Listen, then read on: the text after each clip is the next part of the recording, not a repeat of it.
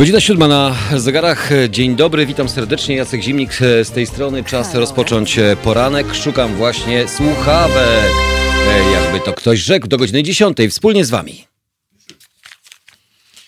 No i słuchawki mam, znalazłem, więc witam wszystkich serdecznie, tych, którzy już e, obudzili się razem e, ze mną, razem e, z nami. E, dzień jak co dzień, chociaż e, całkowicie inny i zapewne mm, e, równie pełen wyzwań i pełen niespodzianek, które na pewno mogą być dla nas no, z jednej strony bardzo mm, pozytywne, z drugiej strony niestety negatywne po wczorajszym dniu i po wczorajszych obostrzeniach, które zostały wprowadzone mm, w całej Polsce. Musimy przyzwyczaić się do tego wszystkiego, co nas otacza i mam nadzieję, że już się z tym e, zaprzyjaźniliście.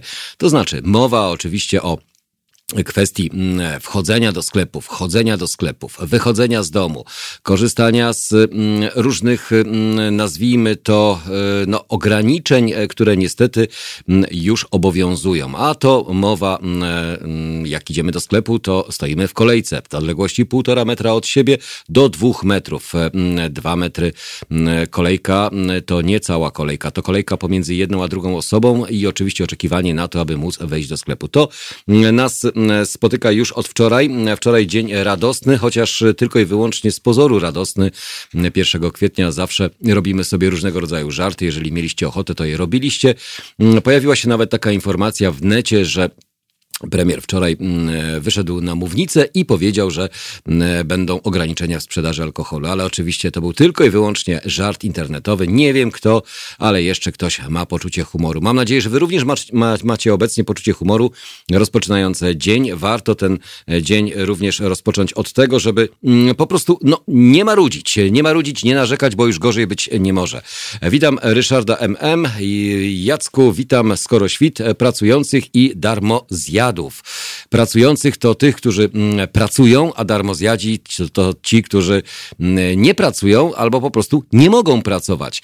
No to w związku z tym, że mm, większość, może nie większość, ale bardzo duża liczba firm e, złożyła wnioski o e, zawieszenie działalności gospodarczej. Ponad 40 tysięcy, ponad 45 tysięcy, 46 chyba dokładnie, jak się nie mylę. W ostatnim okresie zostało złożonych wniosków o zawieszenie działalności gospodarczej. Bunt pracowników, bunt pracodawców, no bo z jednej strony to też są pracownicy, ale też pracodawcy dający pracę innym. No, e, rząd się będzie musiał borykać, e, Główny Urząd Statystyczny i dane dotyczące e, zatrudnienia czy stopy bezrobocia. Ciekawe jakie będą i jak to będzie wyglądało. Też jestem ciekaw i też zastanawiam się, co zrobić w obecnej sytuacji. Zawiesić, nie zawiesić. E, Od 1 kwietnia również na stronach mm, Zakładu Ubezpieczeń Społecznych ZUS-u można znaleźć wszelkie informacje dotyczące tego, w jaki sposób tarcza antykryzysowa was dotyka. Nie tylko pod względem e, tego, co się dzieje w całym kraju, ale i e, na całym świecie, ale również mm, osobiście. E, To znaczy, czy możecie liczyć na odroczenie, na uchylenie, uwolnienie od składek mm, ZUS-owskich i czy możecie liczyć również na tak zwane postojowe. Tam warto się zapoznać z poszczególnymi artykułami, jak i również warto zapoznać się z drukami, które trzeba będzie wypełnić. Te druki są o wiele prostsze niż dotychczas obowiązujące, więc warto siąść, warto przeczytać i warto wysłać. E, Udać się bezpośrednio i osobiście już nie możemy, ale za to możemy internetowo załatwić wszystko to, co wiąże się oczywiście z różnego rodzaju procedurami, z różnego rodzaju dokumentami, wnioskami, aby było nam łatwiej i lżej. Ale czy tak w rzeczywistości jest? Tego nie wiemy. Mm, Każdy indywidualnie musi do tego wszystkiego podejść i, mm, no, i pytanie, które możemy sobie zadać. Jak jest u Was? E, Jak sobie dajecie radę? Jak dajecie sobie radę z tymi wszystkimi ograniczeniami e, w kraju, w którym zazwyczaj nigdy nie lubiliśmy żadnych ograniczeń, albo jeżeli ktokolwiek nam stawiał te ograniczenia, to zawsze mm, staraliśmy się sprzeciwiać temu, co się obecnie dzieje. Wczoraj również mm, protest, mm, po raz chyba pierwszy tego typu protest miał miejsce w Warszawie. Protest pracodawców, którzy zjechali się z samochodami. E, samochodami, nie wychodząc z samochodów, po prostu przyjechali samochodami. Relacje można było oglądać na Facebooku. E, co się stało? Nic się nie stało. No po prostu to był sygnał od pracodawców, pracowników, osób, które domagają się tego, aby ta tarcza antykryzysowa była pełniejsza i bardziej chroniła ich, a nie tylko i wyłącznie pozwalała, no nie, nawet nie wiem, czy egzystować, e, ale no, sytuacja jest rzeczywiście oczywiście zero-jedynkowa. Jedni e, mogą przetrwać, drudzy niestety nie przetrwają.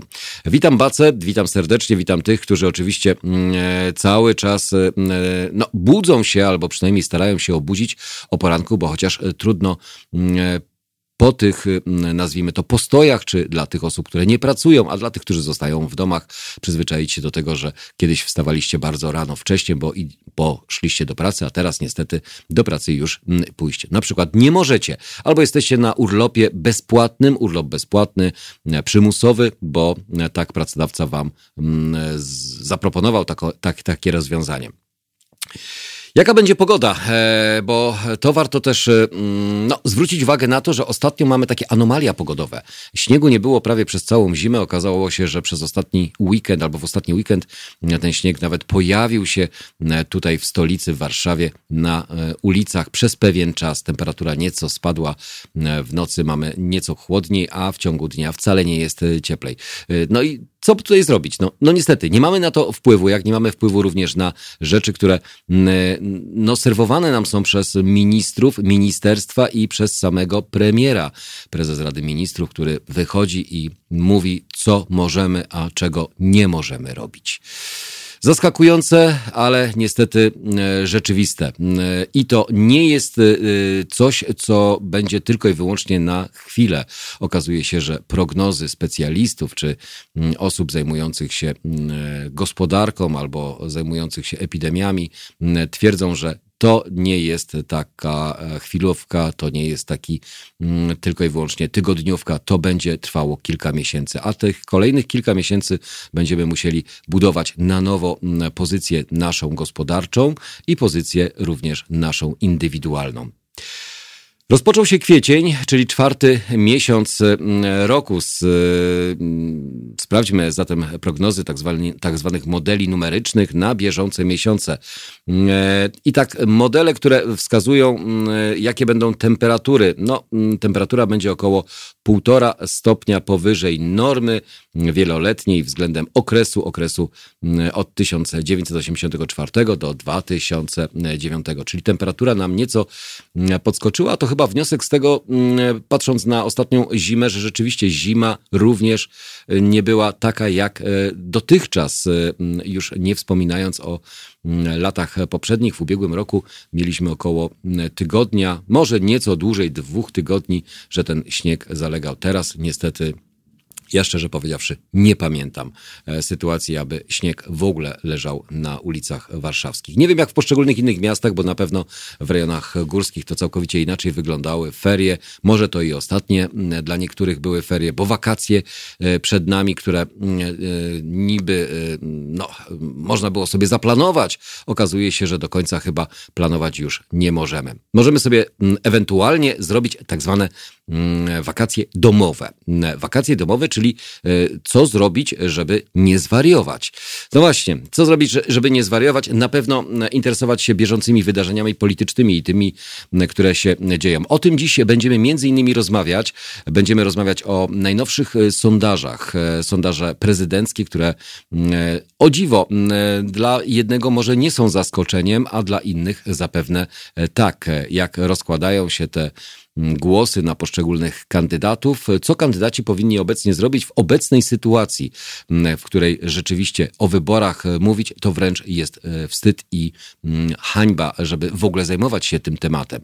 Bo e, jak w internecie wczoraj krążyła informacja, 1 kwietnia został przeniesiony na 10 maja, to wcale nie jest żart, to chyba rzeczywistość. Jeżeli ktoś próbuje dalej forsować temat wyborów prezydenckich, licząc na to, że może uda się korespondencyjnie na przykład ogarnąć te wybory na 30 parę dni przed samymi wyborami, przed pierwszą turą, no to gratuluję. Gratuluję takiego pomysłu i gratuluję w ogóle inicjatywy poselskiej, która rzeczywiście z taką propozycją wyszła ze, ze strony Prawa i Sprawiedliwości, aby starać się niby e, ulżyć albo ułatwić e, możliwość funkcjonowania demokratycznego państwa. Z tą demokracją to już wielokrotnie e, się ścieraliśmy i wielokrotnie zastanawialiśmy się, czy ona w ogóle jeszcze u nas funkcjonuje. Okazuje się, że jedna partia polityczna może zrobić wszystko i może narzucić styl funkcjonowania państwa i tego, w jaki sposób powinniśmy my działać albo w jaki sposób my funkcjonujemy. Więc o wyborach zapewne też e, o sondażach, o obostrzeniach, e, o tym, co dzieje się w kraju, jak i również o tym, co dzieje się za granicą. Tradycyjnie łączymy się z naszym korespondentem, który w krótkim komentarzu oceni to, co dzieje się u nas w kraju i oczywiście to, co dzieje się również we Francji. Więc zachęcam Was do pozostania z nami do godziny 10 rano. Jacek Zimnik wspólnie z Piotrem, który tutaj cały czas siedzi i pilnuje, żeby wszystko było w jak najlepszym porządku. Więc e, Ryszardzie, no, ja myślę, myślę, że, że czas y, napić się porannej, dobrej, gorącej kawy przy Halo Radio.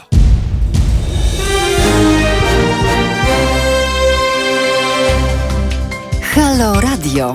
Pierwsze medium obywatelskie.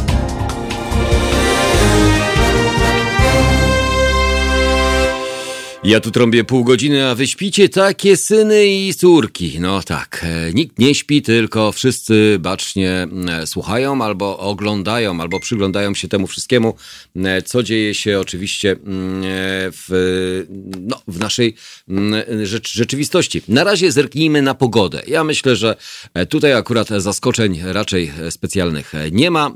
Dziś czwartek, 2 kwietnia.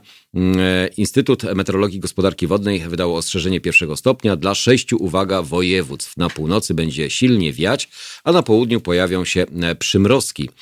Mm, e, w czwartek na północy i w centrum kraju przewidywane jest zachmurzenie duże i umiarkowane. Na większe rozpogodzenie mogą liczyć mieszkańcy południowej Polski. Najniższa temperatura zapowiadana jest dziś w Gdańsku. Tam będzie maksymalnie 7 stopni, 1 stopień więcej pokażą termometry w województwach kujawsko-pomorskim, warmińsko-mazurskim, podlaskim i mazowieckim. W Lublinie, Łodzi, Poznaniu i Szczecinie prognozowanych jest 9 stopni. No to temperatura chyba nie jest najgorsza, chociaż ja uważam, że już powinno być zdecydowanie cieplej. Im cieplej, tym bezpieczniej rzekłbym nawet. Wiadomo, w takiej wyższej temperaturze, to i wirus e, e, mniej jest aktywny. Najcieplejszy dzień czeka mieszkańców Dolnego Śląska, gdzie będzie 11 stopni. W pozostałych regionach, to jest w województwach lubuskim, opolskim, śląskim, małopolskim, podkarpackim i świętokrzyskim, będzie 10 stopni. Temperatura w ciągu najbliższych dni ma zdecydowanie jeszcze bardziej się podnieść i to chyba dobra informacja, chociaż nie do końca. Dla kogoś, kto ma możliwość wyjść na zewnątrz, posiadając kawałek skwerka, czy ogródka, czy terenu, który nie będzie w jakikolwiek sposób mm, miał możliwość kontaktu z innymi osobami, to ok. Ale wyobraźcie sobie takie osoby, które mieszkają w blokowiskach, e, w małych mieszkaniach, e, gdzie też i nawet nie mają balkonu, mogą tylko uchylić okno. Cóż tam robić? No, e, sposobów i pomysłów jest mnóstwo, ale na pewno nie możemy zwariować. Na południu mieszkańców czeka dziś niemal bezchmurne niebo i dużo słońca. Deszcz i deszcz ze śniegiem zapowiadane są w województwie pomorskim, warmińsko-mazurskim, kujawsko-pomorskim i podlaskim rano. W pozostałych regionach bez jakichkolwiek opadów wiatr słaby umiarkowany, silniejsze porywy nad morzem i w górach do nawet 75 km na godzinę. Ostrzeżenia meteorologiczne dla województwa zachodniopomorskiego i pomorskiego wydano ostrzeżenie pierwszego stopnia przed silnym wiatrem. Średnia siła wiatru wynosić będzie 45 km na godzinę, ale w porywach może wiać do 75. Instytut e, wydało e, też alerty pierwszego stopnia dla województwa śląskiego, małopolskiego, podkarpackiego i świętokrzyskiego. Tam pojawią się, uwaga, przymrozki. A to dla tych w szczególności kierowców, którzy teraz przemieszczają się właśnie w tamtym rejonie, więc tam warto być bardzo ostrożnym. Ostrożnym, a przede wszystkim mm, no, uważać, uważać, uważać, nie zarażać, nie transmitować i nie stwarzać jakichkolwiek e, zagrożeń. Dzisiaj wychodząc do sklepu, pamiętajcie, że do godziny ósmej tylko znaczy od nie, przepraszam, do 10. Do 10 e, rano możecie robić e, zakupy, jeżeli jesteście w wieku jeszcze produkcyjnym, a już e, jak jesteście w wieku dorosłym, dojrzałym albo u, jesieni swojego życia, może tak to nazwijmy ładniej, to już niestety dopiero od 10 do 12 tam wtedy zakupy możecie robić. 65 lat masz, to możesz robić zakupy. A jak masz 62, to jeszcze jesteś w pełni Y, sił. Ja nie wiem, czy to e, weryfikują, kontrolują, czy mm, generalnie sprawdzają tylko i wyłącznie na zasadzie e, wydaje mi się, czy e, może mam takie poczucie, że ta osoba powinna w tych godzinach robić zakupy. A to w związku oczywiście z obostrzeniami, które zostały wprowadzone od 1 kwietnia, więc tutaj rzeczywiście mm, no, sytuacja z jednej strony ok, dobra, a z drugiej strony mm, pytanie, czy rzeczywiście nie lepiej pomagać tym osobom starszym, aby robiły zakupy tylko i wyłącznie, e, czy to za pomocą online, albo ludzi, którzy będą wspierać? E, nie wiem. E, najważniejsze jest to, że lada moment są święta. Ja nie wiem, czy ta decyzja rządu i decyzja o tych ograniczeniach spowodowała to, że nagle wszyscy zaczęliśmy ponownie robić zakupy. O tych zakupach i o tym, w jaki sposób sklepy funkcjonują, już za chwilę. Na razie łączymy się przynajmniej z tym, kto do nas e, dodzwonił się, a to tak o poranku zazwyczaj lubicie dzielić i e, się komentarzami dotyczącymi tego, co wszystkiego, e, wszystkiego co się dzieje. A za chwileczkę powiemy również o tym, że od Wielkanocy w kościołach może być więcej wiernych. Decyzja rządu podobno w przyszłym tygodniu. To na razie takie spekulacje i takie prognozy, ale to za chwilę. Na razie mamy kogoś na naszej linii. Halo? Dzień dobry panie Jacku. Witam, kto z tamtej Mariusz strony? Cześć Mariusz, witam cię. E, panie Jasku, właśnie a propos tego, bo wcześniej pan mówił na temat y, kolejek przed sklepami, tak? Tak, wczoraj... I osoby, osoby 65 lat. Właśnie wczoraj się o tym przekonałem. Bo tu pomniałem o tym, że to jest tylko od 10 do 12 dla osób do 60, znaczy ponad 65 lat, tak? Tak, zgadza się. No i troszeczkę przyszedłem wcześniej. Niestety nie, nie tylko ja parę osób przede mną, przede mną jeszcze też. No i musiałem stać do 12 niestety i czekać i przypuszczać te osoby. Ja tam się nie dziwię. Rzeczywiście napisane jest wyraźnie tylko dla osób 65 lat. No, ale, to, ale, to jest, ale to jest zderzenie z tak? rzeczywistością. Pierwszy dzień jest zawsze najgorszy. E, ja, tak, ja, zapomniałem całkowicie. No. Ja po prostu myślałem, że to jest tylko, że jak to nie ma tych osób w tym wieku, to można wejść, tak? Ale nie masz takiego. Tylko, tylko i wyłącznie. Nie masz takiego poczucia, że to, co dzieje A nie, się... jeszcze nie, bo ja dążyłem jeszcze do tego, bo pan się pytał, czy ktoś sprzątał, tak? No. Nie. No nikt jest, no tak, no bo w jaki sposób, no to zawsze mogłeś powiedzieć, że jesteś młodym 65-latkiem. No ni niestety nie wyglądam.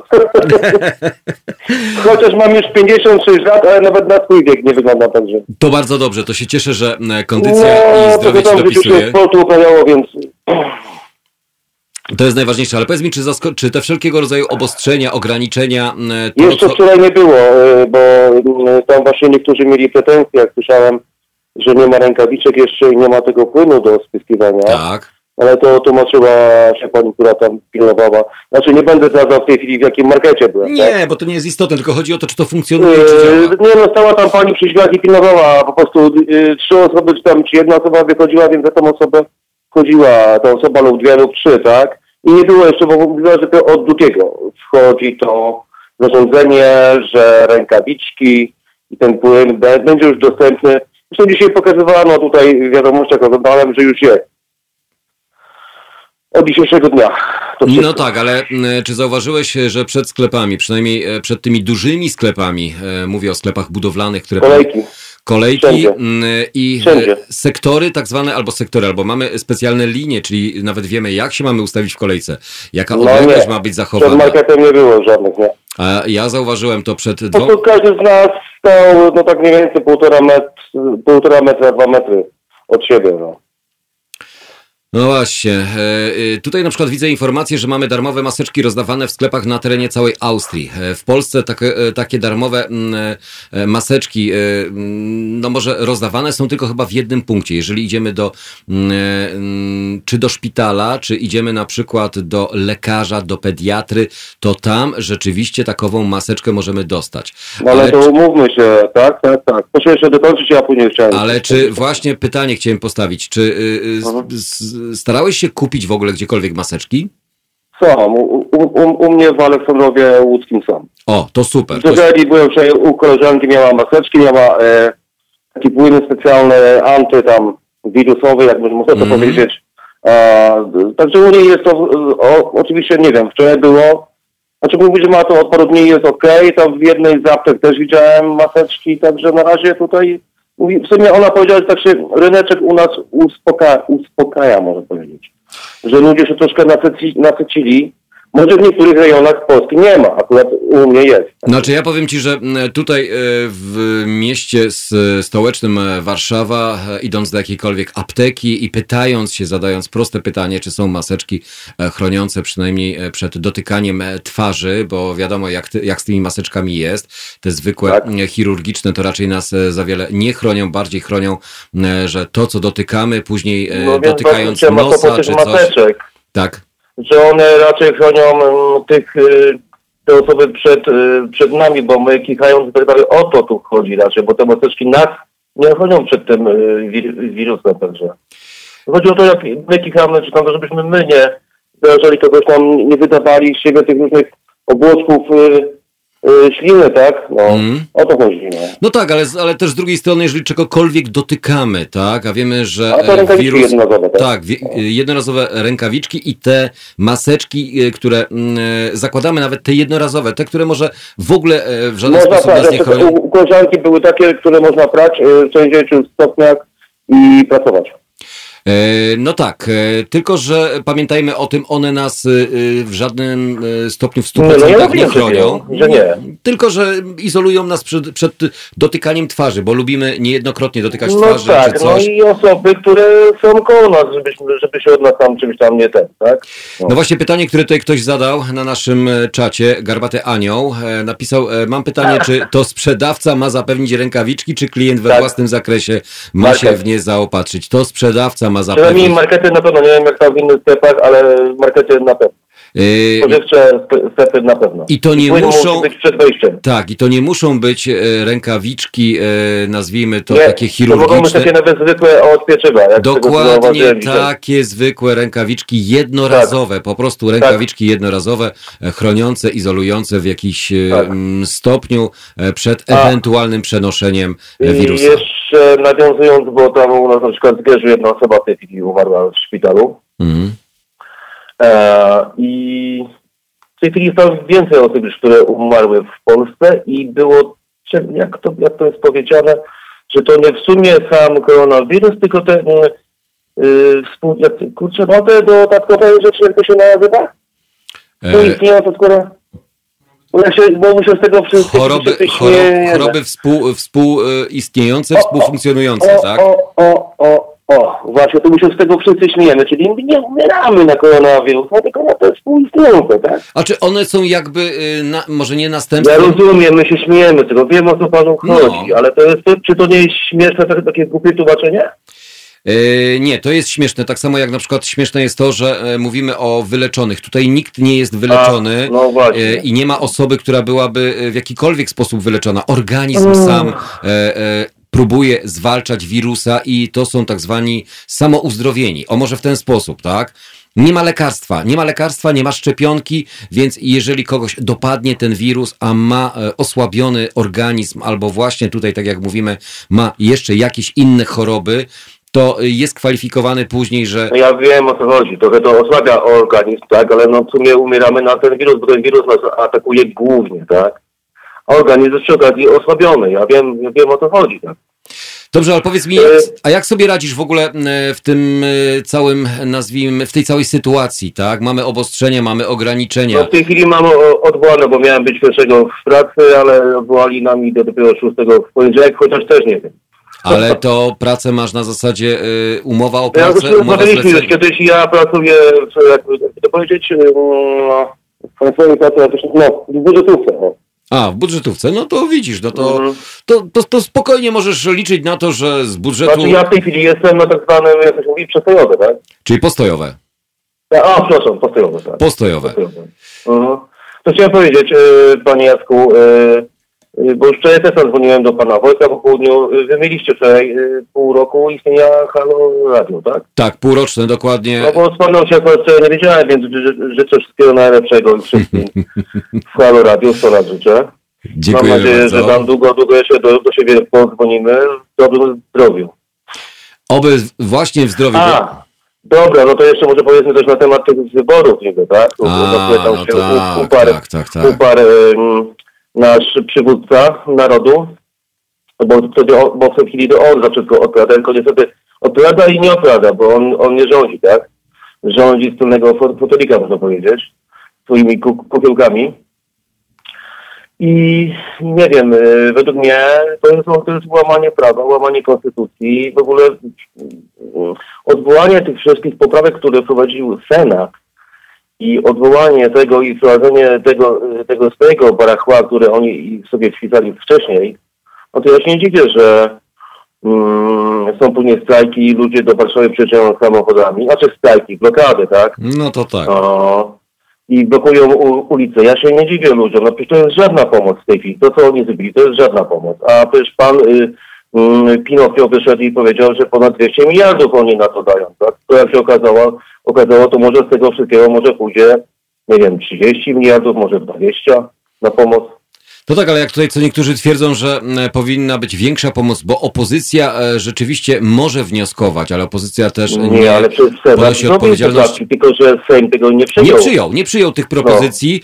No. jak to, tak. Ale teraz tak na logikę. E, gdyby e, Sejm przyjął, byłoby e, na pewno lżej pracodawcom i lżej obywatelom.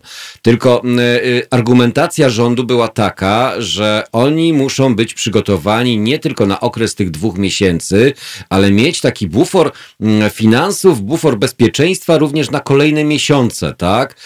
Z jednej strony mógłbym to zrozumieć, ale z drugiej strony my za te drobne lub za te dodatkowe pieniądze pieniądze, które absolutnie nam nie pozwolą w żaden sposób funkcjonować. E, może te dwa miesiące e, e, uda nam się przetrwać, bo mamy jakieś rezerwy. No ale przecież z Unii Europejskiej są pieniądze, których nie potrafimy wykorzystać, tak? Tak, i jest jeszcze teraz nowa inicjatywa, która wczoraj została zakomunikowana, również wsparcia dla państw walczących i borykających się z koronawirusem. No SURE to się nazywa.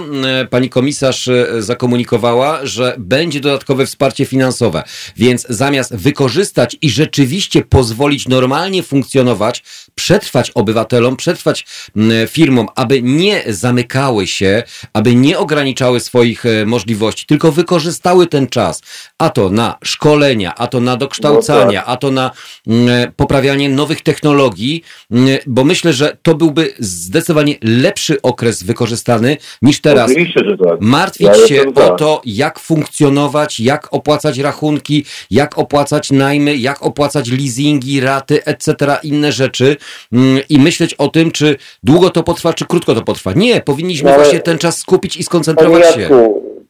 bo przecież łatwo powiedzieć, zamykamy to, zamykamy tam. 46 tysięcy firm zamkniętych, no, tak? Przecież ostatnio znowu pozamykano parę następnych rzeczy. Nie wiem, dlaczego fryzjer jest zamknięty i tak dalej. No to... Zresztą, y, moment, przecież tu nieraz, tu teraz, przepraszam, nie, nieraz. Y, wczoraj y, była rozmowa chyba z panem, który ma, ma, miał tam salon fryzjerski i powiedział, że specjalnie go przebudował, żeby ludzie, między ludźmi był odstęp i zainwestował troszkę znowu.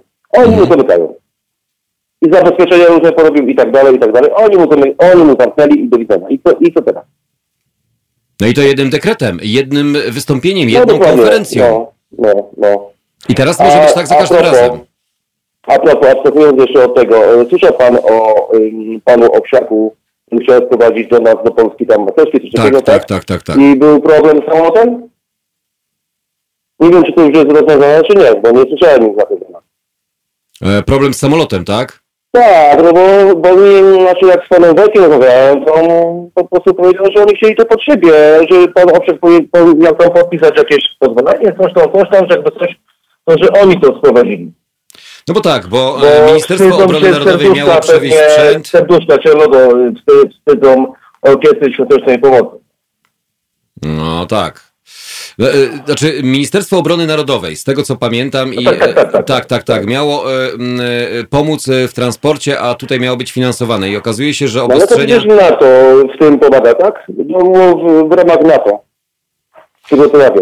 E, n- Tak, Że e, samoloty natowskie no tak, tak, tak. Mhm. Yy, Znaczy ten temat za chwileczkę poruszymy i ja myślę, że m, to jest kwestia, bo to jest e, też odpowiedź e, m, szefa m, KPRM-u Michała Dworczyka, który stwierdził, że jest zaskoczony wpisem i za- i za- i zadeklarował pomoc, gotowość do pomocy. Oczekujemy na pilny kontakt ze strony Wielkiej Ork- Orkiestry Świątecznej Pomocy, to Dobra. było wczoraj. To już na koniec teraz, bo kurczę, miałem ten temat poruszyć 100 tysięcy razy, jak do was dzwoniłem. No może mniej niż 100 tysięcy razy.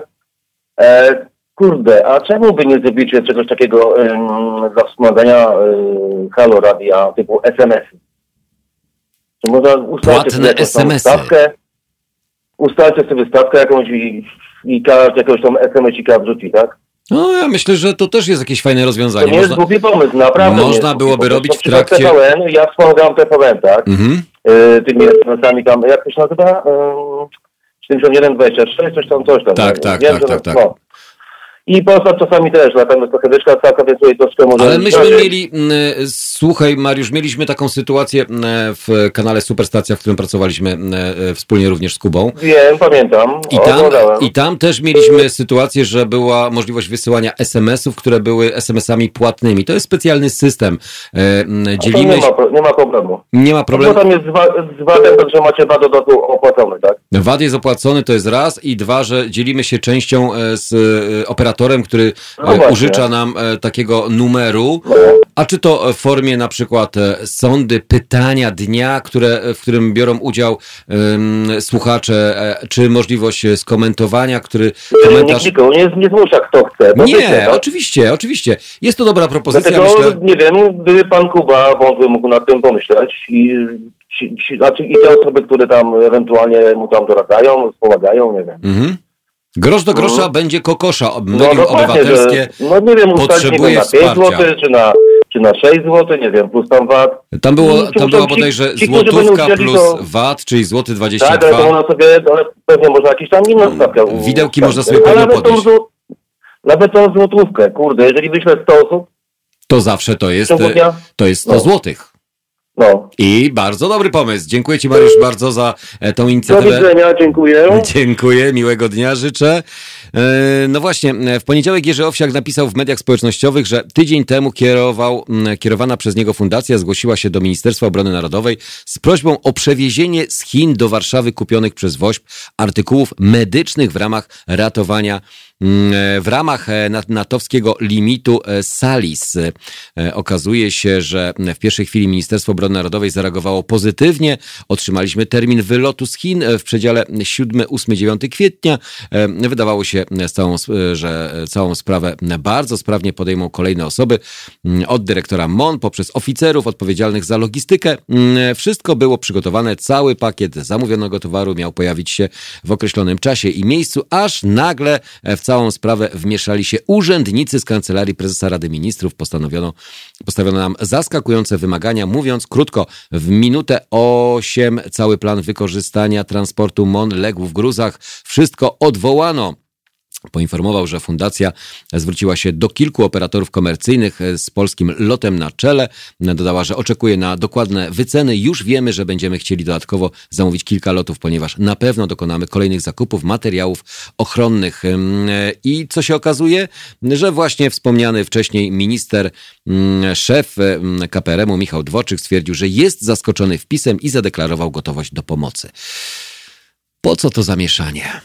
A mogło przecież być e, bez żadnego problemu i e, urzędowe sprawy zawsze blokują wszelkie inicjatywy. Mniej państwa w państwie, a obywatel sobie poradzi. My wracamy do Waszych komentarzy, oczywiście na antenie Halo Radio, już dosłownie za kilka minut. A teraz Electrical Storm YouTube.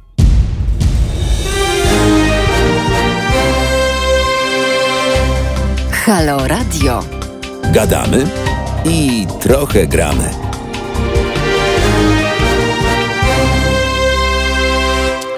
Gramy, gramy, gramy, oczywiście trochę gramy, ale dużo gadamy. E, tutaj ktoś zadaje nam pytanie. E, koledzy, wiecie może, czy z poziomu strony głównej możliwe jest słuchanie audycji wraz z muzyką? Za pomocą aplikacji e, jest przekierowanie automatycznie na aplikację. Klikamy sobie w aplikację i tam mamy i to, co słyszycie w mowie i też w dźwiękach. E, mamy mm, kolejny. Nie, nie, myślałem, że tak, bo coś tam zabłyskało. Telefon. E, telefon Wam oczywiście przypomnę. 22 e, kierunkowy 39 059 22. Jak sobie radzicie mm, w, tych, w tej nowej rzeczywistości z tymi nowymi obostrzeniami i to, co nas dotyka. Z jednej strony wczorajsza panika, albo przynajmniej kolejna, kolejny strach, który pojawił się w oczach obywateli, a mowa o tym, że robimy tych zakupów znów zdecydowanie za dużo. Ale teraz pytanie, dlaczego je robimy? W obawie przed mm, ograniczoną e, mm, e, ilością i liczbą poszczególnych produktów, e, czy po prostu dlatego, że będziemy coraz rzadziej do tych sklepów wychodzić. Dlatego mm, robimy jakieś zapasy i aby czegoś nie zapomnieć. No wczoraj sytuacja dość śmieszna. Stałem w tej kolejce, robiłem te zakupy z listy, mm, tak zwane bieżące na dwa dni e, i zapomniałem majonezu. No to już będzie bez majonezu. Bez majonezu z tego względu, że już drugi raz do tego sklepu e, pójść e, nie pójdę w danym dniu, bo musiałbym znów stać kolejne 40 albo 50 minut po to, żeby wejść do sklepu, więc odpuściłem sobie ten majonez. Jeżeli czegoś zapominacie, a to w szczególności przed świętami Wielkiej Nocy, to lepiej mieć pełną listę i absolutnie nie zapomnieć rzeczy, które e, są Wam niezbędne i Wam są e, potrzebne. Właśnie w kwestii E, świąt e, Wielkiej Nocy, a przede wszystkim e, tego, że one się zbliżają nam tuż, tuż, warto zastanowić się, albo przynajmniej warto no, przemyśleć, jak je będziemy spędzać te święta. No bo to jest dla nas chyba bardzo ważne. Święta Wielkiej Nocy to czas spotkań przede wszystkim z osobami, które są nam bardzo bliskie. Okazuje się, że tak nie do końca będzie, jak e, było zazwyczaj. Mm, e, no właśnie, e, od Wielkanocy podobno w kościołach ma być więcej wiernych. To nie jak teraz, że e, dwie osoby w odległości dwóch metrów. E, tylko, uwaga, decyzja podobno rządu ma być w przyszłym tygodniu. W przyszłym tygodniu mają zapaść decyzje dotyczące tego, ilu wiernych podczas Wielkanocy będzie mogło przyjść na mszę do kościoła. Zgodnie z najnowszym rozporządzeniem jest to 50 osób. Mm, decyzja co mm, do świąt mm, Wielkiej Nocy będą podejmowane, uwaga, w przyszłym tygodniu, stwierdził w rozmowie Piotr Miller, rzecznik prasowy rządu. Minister zdrowia zapowiedział podczas konferencji prasowej, że e, szczegółowe informacje i zalecenia dotyczące okresu świąt Wielkiej Nocy będą jeszcze przedstawione przez władze państwowe. Mm, znów mówił ksiądz e, Paweł e, Rytel, mm, Andrianik, rzecznik Konfederacji Episkopatu Polski. W najbliższą sobotę, 4 kwietnia, przewodniczący Episkopatu arcybiskup Stanisław Gondecki wygłosi nadzwyczajne orędzie, które ma wprowadzić katolików w Wielki Tydzień. Od środy mm, obowiązują nowe reguły, to wiemy, i zakazy wprowadzone przez rząd w związku z epidemią koronawirusa. Jest to między innymi właśnie ograniczenie liczby osób w sklepach, zamknięcie zakładów fryzjerskich, a także zakaz mm, dla nieletnich wyjścia z domu bez opieki. Mamy kolejny telefon, Piotrze. I kolejną osobę, która będzie chciała podzielić się swoimi opiniami i oceną tego, e, jaka nas rzeczywistość otacza. Mamy teraz e, kobietę, panią, która do nas się dodzwoniła i już e, witam, halo, dzień dobry. Dzień dobry, dzień dobry panie Jacku. Dzień dobry, cześć i czołem, witam serdecznie. E, dzwonię, e, chciałam trzy słowa powiedzieć, nie będę przeciągać. Szkoda. Wrócę do tych e, e, starszych osób, które mogą kupować między 10 a 12. E, mhm. myślę, że wyluzujmy trochę. My Polacy mamy w morfologii spisany bunt. Dajmy im spokój, naprawdę. Mam parę osób starszych, każdy zresztą z nas ma w rodzinie, naprawdę oni, e, nawet jeżeli nie skorzystają z tego i nawet jeżeli dzieci im robią zakupy, to niech mi Pan wierzy, że oni się cieszą, że zostało skierowane tylko i wyłącznie dla nich i, i dedykowane dla nich są te dwie godziny. To jest po pierwsze. Y, po drugie, yy, może spójrzmy na pewne rzeczy z przymrużeniem oka. Czy naprawdę tak koniecznie akurat my między 10 a 12 musimy iść do tego sklepu? No nie musimy. Yy, mamy więcej yy, problemów w tym kraju niż teraz fakt, który roztrząsamy, bo widzę, że się bardzo ludzie tym e, ekscytują, tak? Tą, tą godziną między 10 a 12. A czy Elu, to nie e, jest ekscytowanie, tylko chodzi o to, że e, takie, wiesz, e, jeżeli ktoś jest przez przypadek, bo to wiadomo, że pierwszy dzień to nikt nie jest zawsze przyzwyczajony. Mhm, przez przypadek mhm. między godziną przyszedł o 11 do sklepu, Jasne. został niewpuszczony. Okej, okay, jest w stanie to, myślę, że każdy zrozumieć. Mhm. Nikt się nie buntuje. Tylko pytanie generalnie, czy tego typu obostrzenia, ograniczenia mm, jesteśmy w stanie zaakceptować? Okazuje się, że tak. Jasne, chodzi o, o ogólnie w nadbudowie, czy to, czy to w większym jakby zarysie ma sens, ale ym, może tak, może myślę sobie, chociaż yy, pewnie to są takie wybiegi umysłu w tej chwili, żeby, yy, żeby coś yy, jakby, wie pan co, rozładować. Już tak jesteśmy zbombardowani sytuacjami, które nas irytują, że jeżeli możemy w głowie poukładać sobie coś, co może wyważyć trochę, czy to jest tak e, bardzo warte naszej irytacji, tak? Bo wiele innych rzeczy jest takich, które po prostu mieszczą się nam w głowie w tej chwili i których nie możemy jakby, e, wie pan, e, umniejszyć ich znaczenia, tak? O to mi chodzi. Nie chodzi mi o to, że to jest na pewno w stu procentach super pomysł, ale czasem warto na to spojrzeć z przymrużeniem oka. Powiem panu taką sytuację. E, mam, e, mam e, wśród osób bliskich starszą osobę, która mówi do mnie tak, wiesz co, ja to nie pójdę do tego sklepu, bo mm, ja to nie wyglądam. Ja nie wyglądam.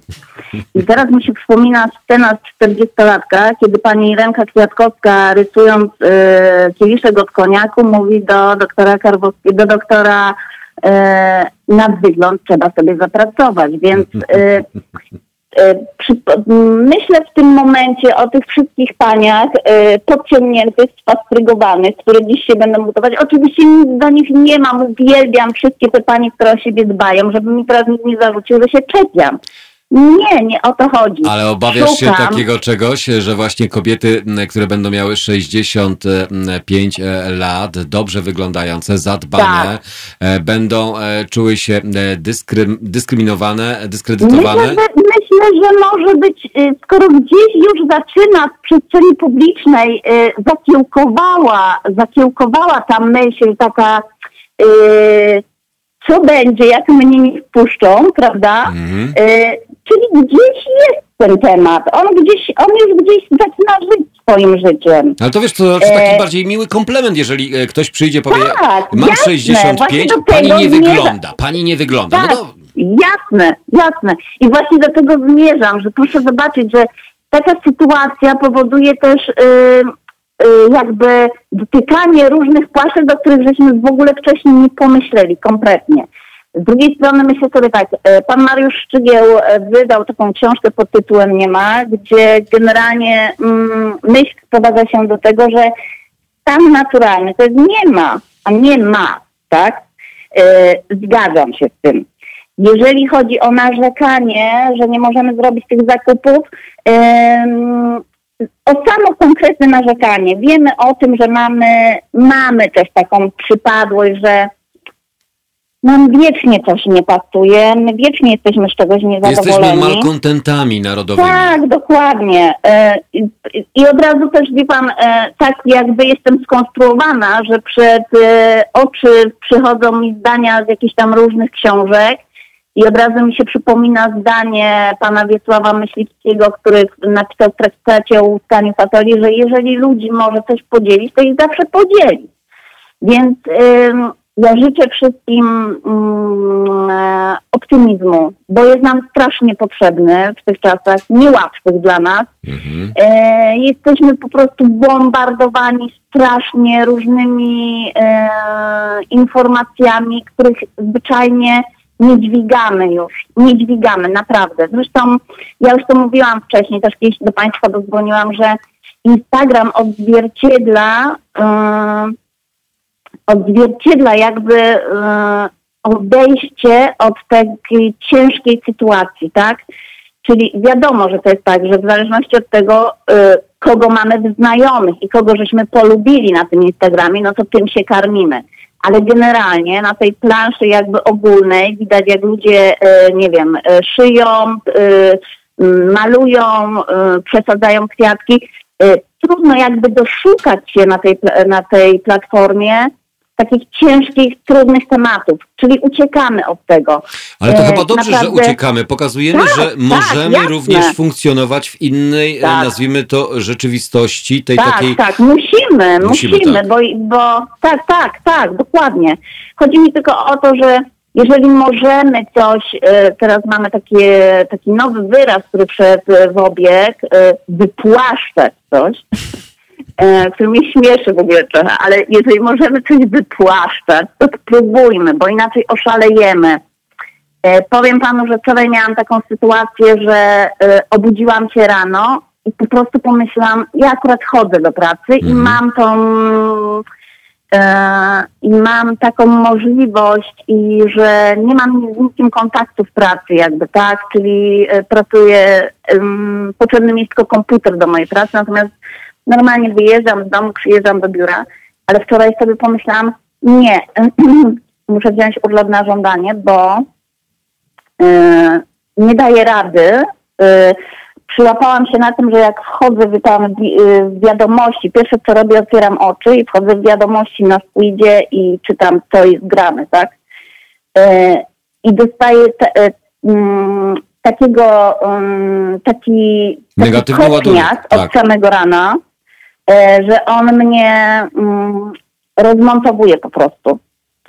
I wczoraj, kiedy mm, wzięłam ten urlop na żądanie i zostałam w domu, nie wyłączyłam przez cały dzień e, żadnych wiadomości. Po prostu jakby ten reset był mi niezbędny. Był mi naprawdę niezbędny. A czy ja muszę, ja, my, ja myślę, że e, Elu, myślę, że sytuacja jest tego typu, że my musimy po prostu odreagowywać. My musimy mhm. znaleźć ten taki wentyl, e, ten psychiczny, który pozwala nam mhm. na to, mhm. abyśmy nie zwariowali po prostu. Tak, tak, tak. E, dziękuję bardzo. E, wracam do pracy. Wszystkiego dobrego życzę. Wszystkiego dobrego z okazji e, wczorajszej e, rocznicy. Połówki e, rocznicy. Słuchamy Was. tak, tak, dokładnie. Słuchamy Was. Jesteście bardzo potrzebni. Dziękujemy, że jesteście.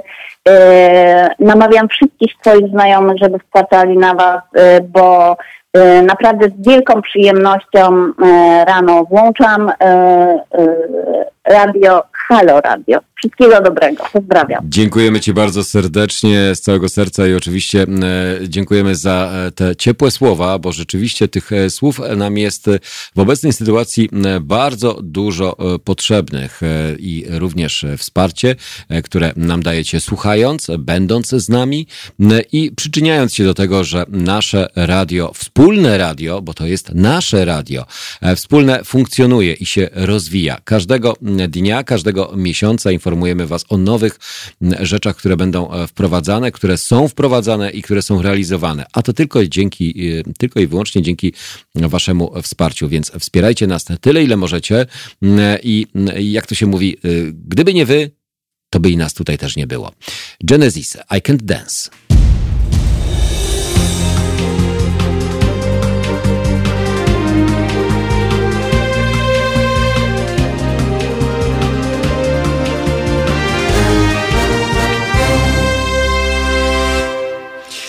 Genesis e, za nami, a przed nami oczywiście kolejne e, Wasze komentarze, również te na czacie, które się tutaj e, pojawiają. Zachęcam oczywiście do dzielenia się, jak ten 1 kwietnia za nami. Nie mówię o tym prima aprilisowym akcencie, ale bardziej o tym, o tych zmianach, które nas dotyczą i obowiązują.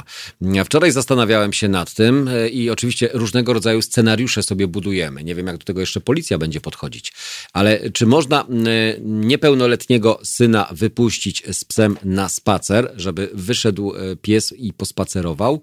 Mm, e, pytanie, które e, bym tutaj zadał specjalistom, pewno odpowiedź padnie nie, nie może. A co w przypadku, gdy osoba mm, mm, nieletnia mieszka u osoby y, już y, starszej, 60, 70, 80-letniej, opiekuje się daną osobą, która jest osobą y, może mniej już sprawną i narażoną oczywiście na infekcję, zarażenie e, koronawirusem, e, taka osoba nieletnia, czyli wnuk, chce pomóc i dostarczyć zakupy. Może czy nie może? Nie, nie może. No właśnie, i to są sytuacje, które mm, z jednej strony nas ograniczają, a z drugiej strony jeszcze bardziej ograniczają możliwość pomocy i wsparcia mm, tego właśnie w ten sposób. Można oczywiście powiedzieć, to przecież można poprosić kogoś innego, ale są sytuacje takie, że nie ma kogo poprosić albo nie ma w jaki sposób sobie poradzić. Nie każdy korzysta i nie każdy jest tak sprawny e, manualnie czy technologicznie, aby wykorzystać aplikację gdzieś e, w okolicy, e, poprosić kogoś o jakąś pomoc czy wsparcie.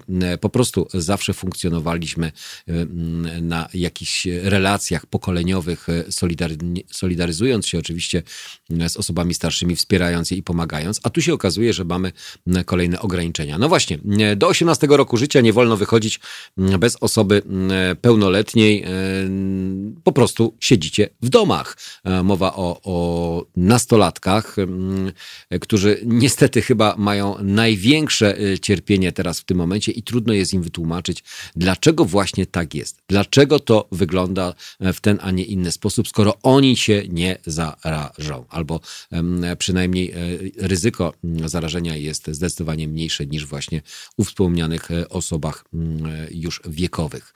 No, tłumaczyć, tłumaczyć, tłumaczyć i jeszcze raz tłumaczyć. E, z jednej strony, jak tutaj Ela mówiła, Jesteśmy, mamy we krwi tego buntownika, ale z drugiej strony, e, mimo to, że jesteśmy buntownikami, to jednak e, akceptujemy wszystkie te zmiany i podporządkowujemy się decyzjom, które są wprowadzane przez poszczególnych przedstawicieli władzy. Straszenie albo e, rzeczywistość, e, można byłoby e, rzec, słuchając naszego ministra zdrowia. Minister zdrowia niejednokrotnie, albo przynajmniej wielokrotnie, zawsze w każdy poniedziałek nas straszy. Do takich wniosków doszli dziennikarze Okopresa. Tam właśnie przeanalizowali sobie to, że zawsze minister zdrowia wychodzi i informuje, informuje nas y, o zagrożeniach, które nas dotykają. A to e, w związku e, z koronawirusem, a to co nas spotka, albo jak będzie wyglądała sytuacja do końca tygodnia.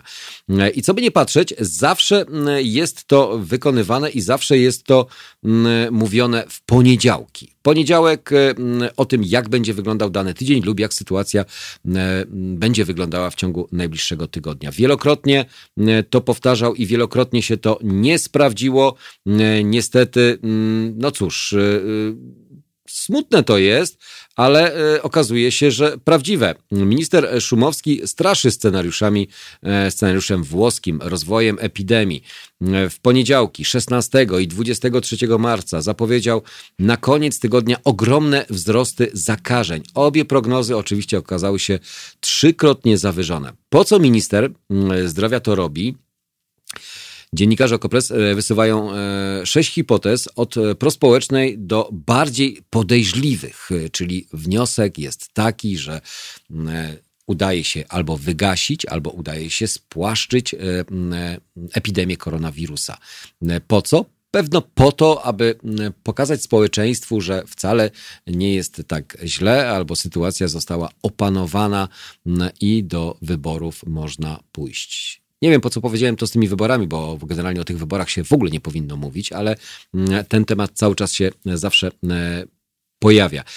Przypomnijmy, mm, sytuacja wyglądały, znaczy Zacznijmy od wypowiedzi ministra zdrowia mm, e, e, w trzy kolejne e, poniedziałki poprzednie 16, 23 i 30 marca i tego, jak się one mają do rzeczywistości. Potem na koniec dziennikarze wysunęli sześć hipotez. Możemy kilka z nich, z kilkoma się z nimi zapoznać. Mm, I tak, poniedziałek 30 marca dojdziemy do kilku tysięcy pacjentów.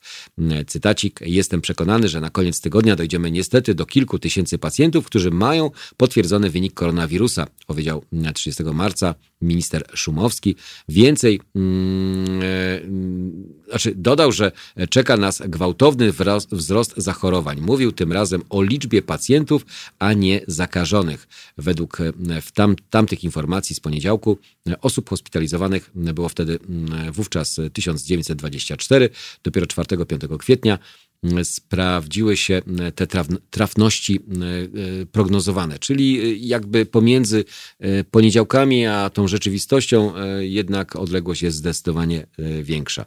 23 marca dobrych parę tysięcy przypadków. E, tak e, zakomunikował e, minister.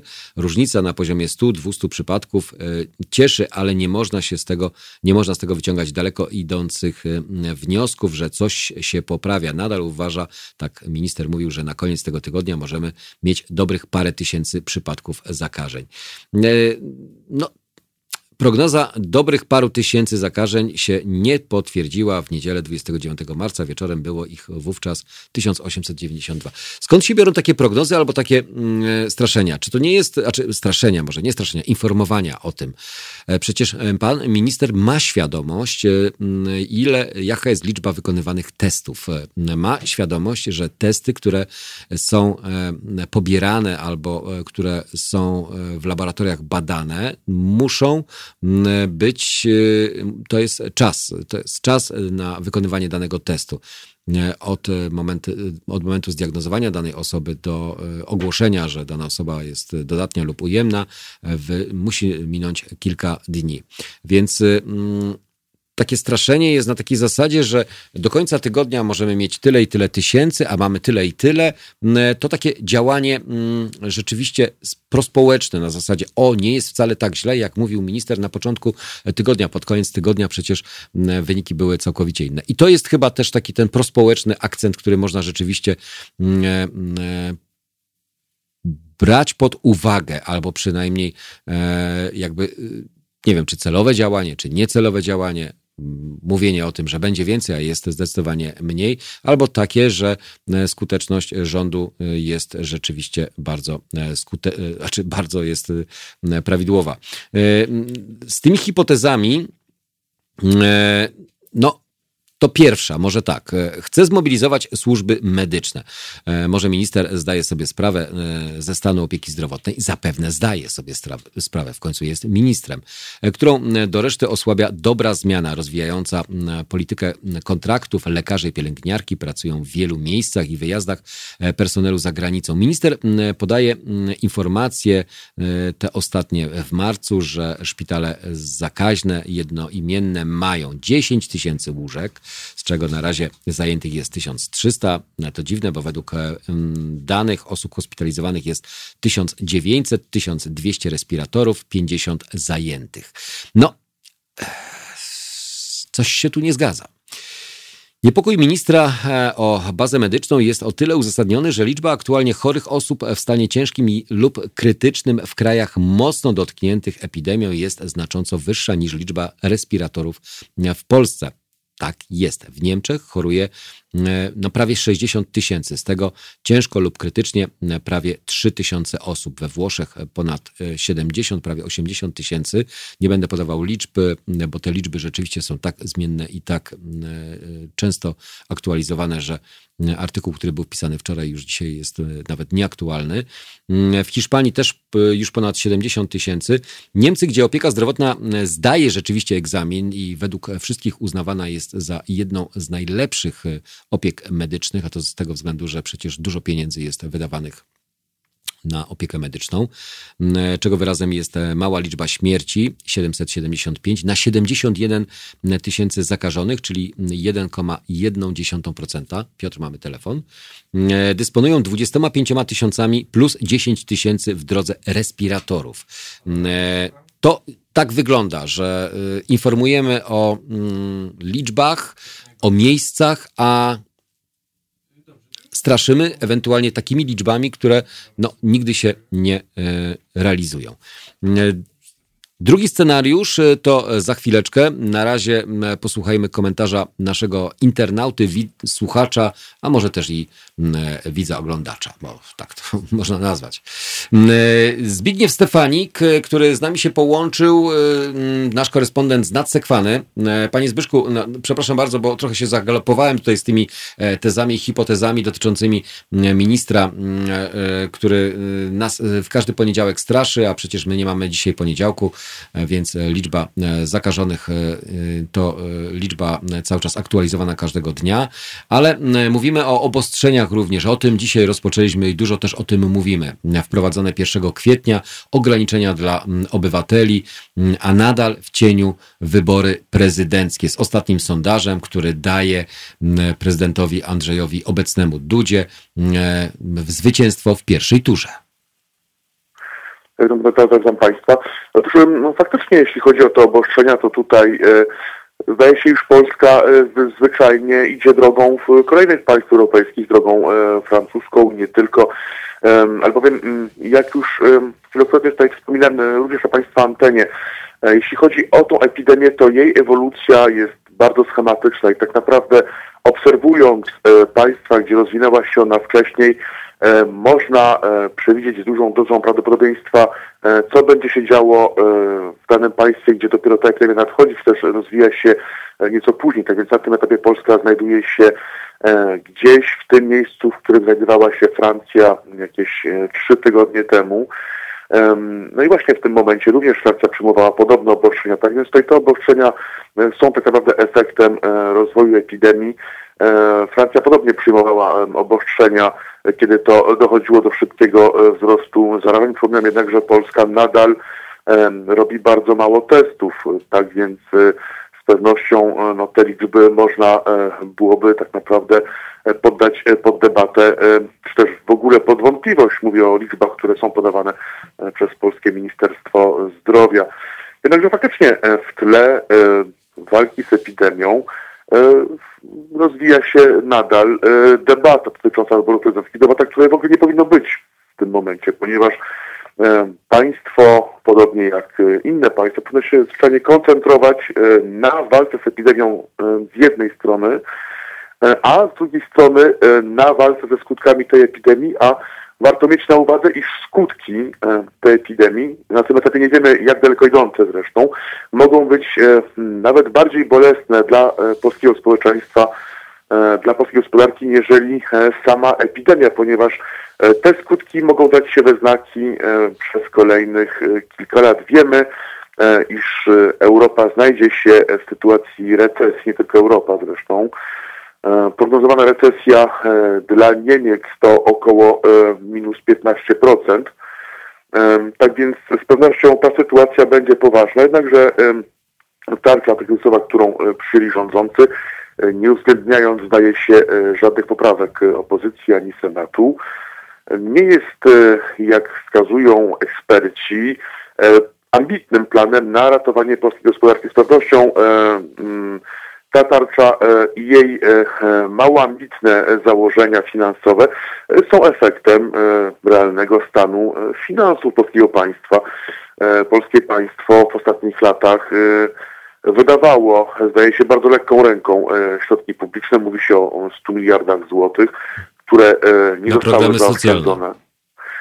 Tak więc na tym etapie z pewnością brak tej gotówki, brak tych środków finansowych da się we znaki. Być może to jeśli Państwo pozwolą mi na odrobinę cynizmu, e, państwo polskie liczy na to, iż podobnie jak e, wcześniej, jak w historii, e, po prostu obywatele polscy wyjadą za granicę, gdzie są cenieni, tam będą zarabiali obecnie francuskie rolnictwo, w mediach rolnicy skarżą się na to, iż tak naprawdę brak polskich pracowników daje się we znaki, ponieważ pracownicy wzorowi tak naprawdę e, byli dużą pomocą dla francuskiego rolnictwa.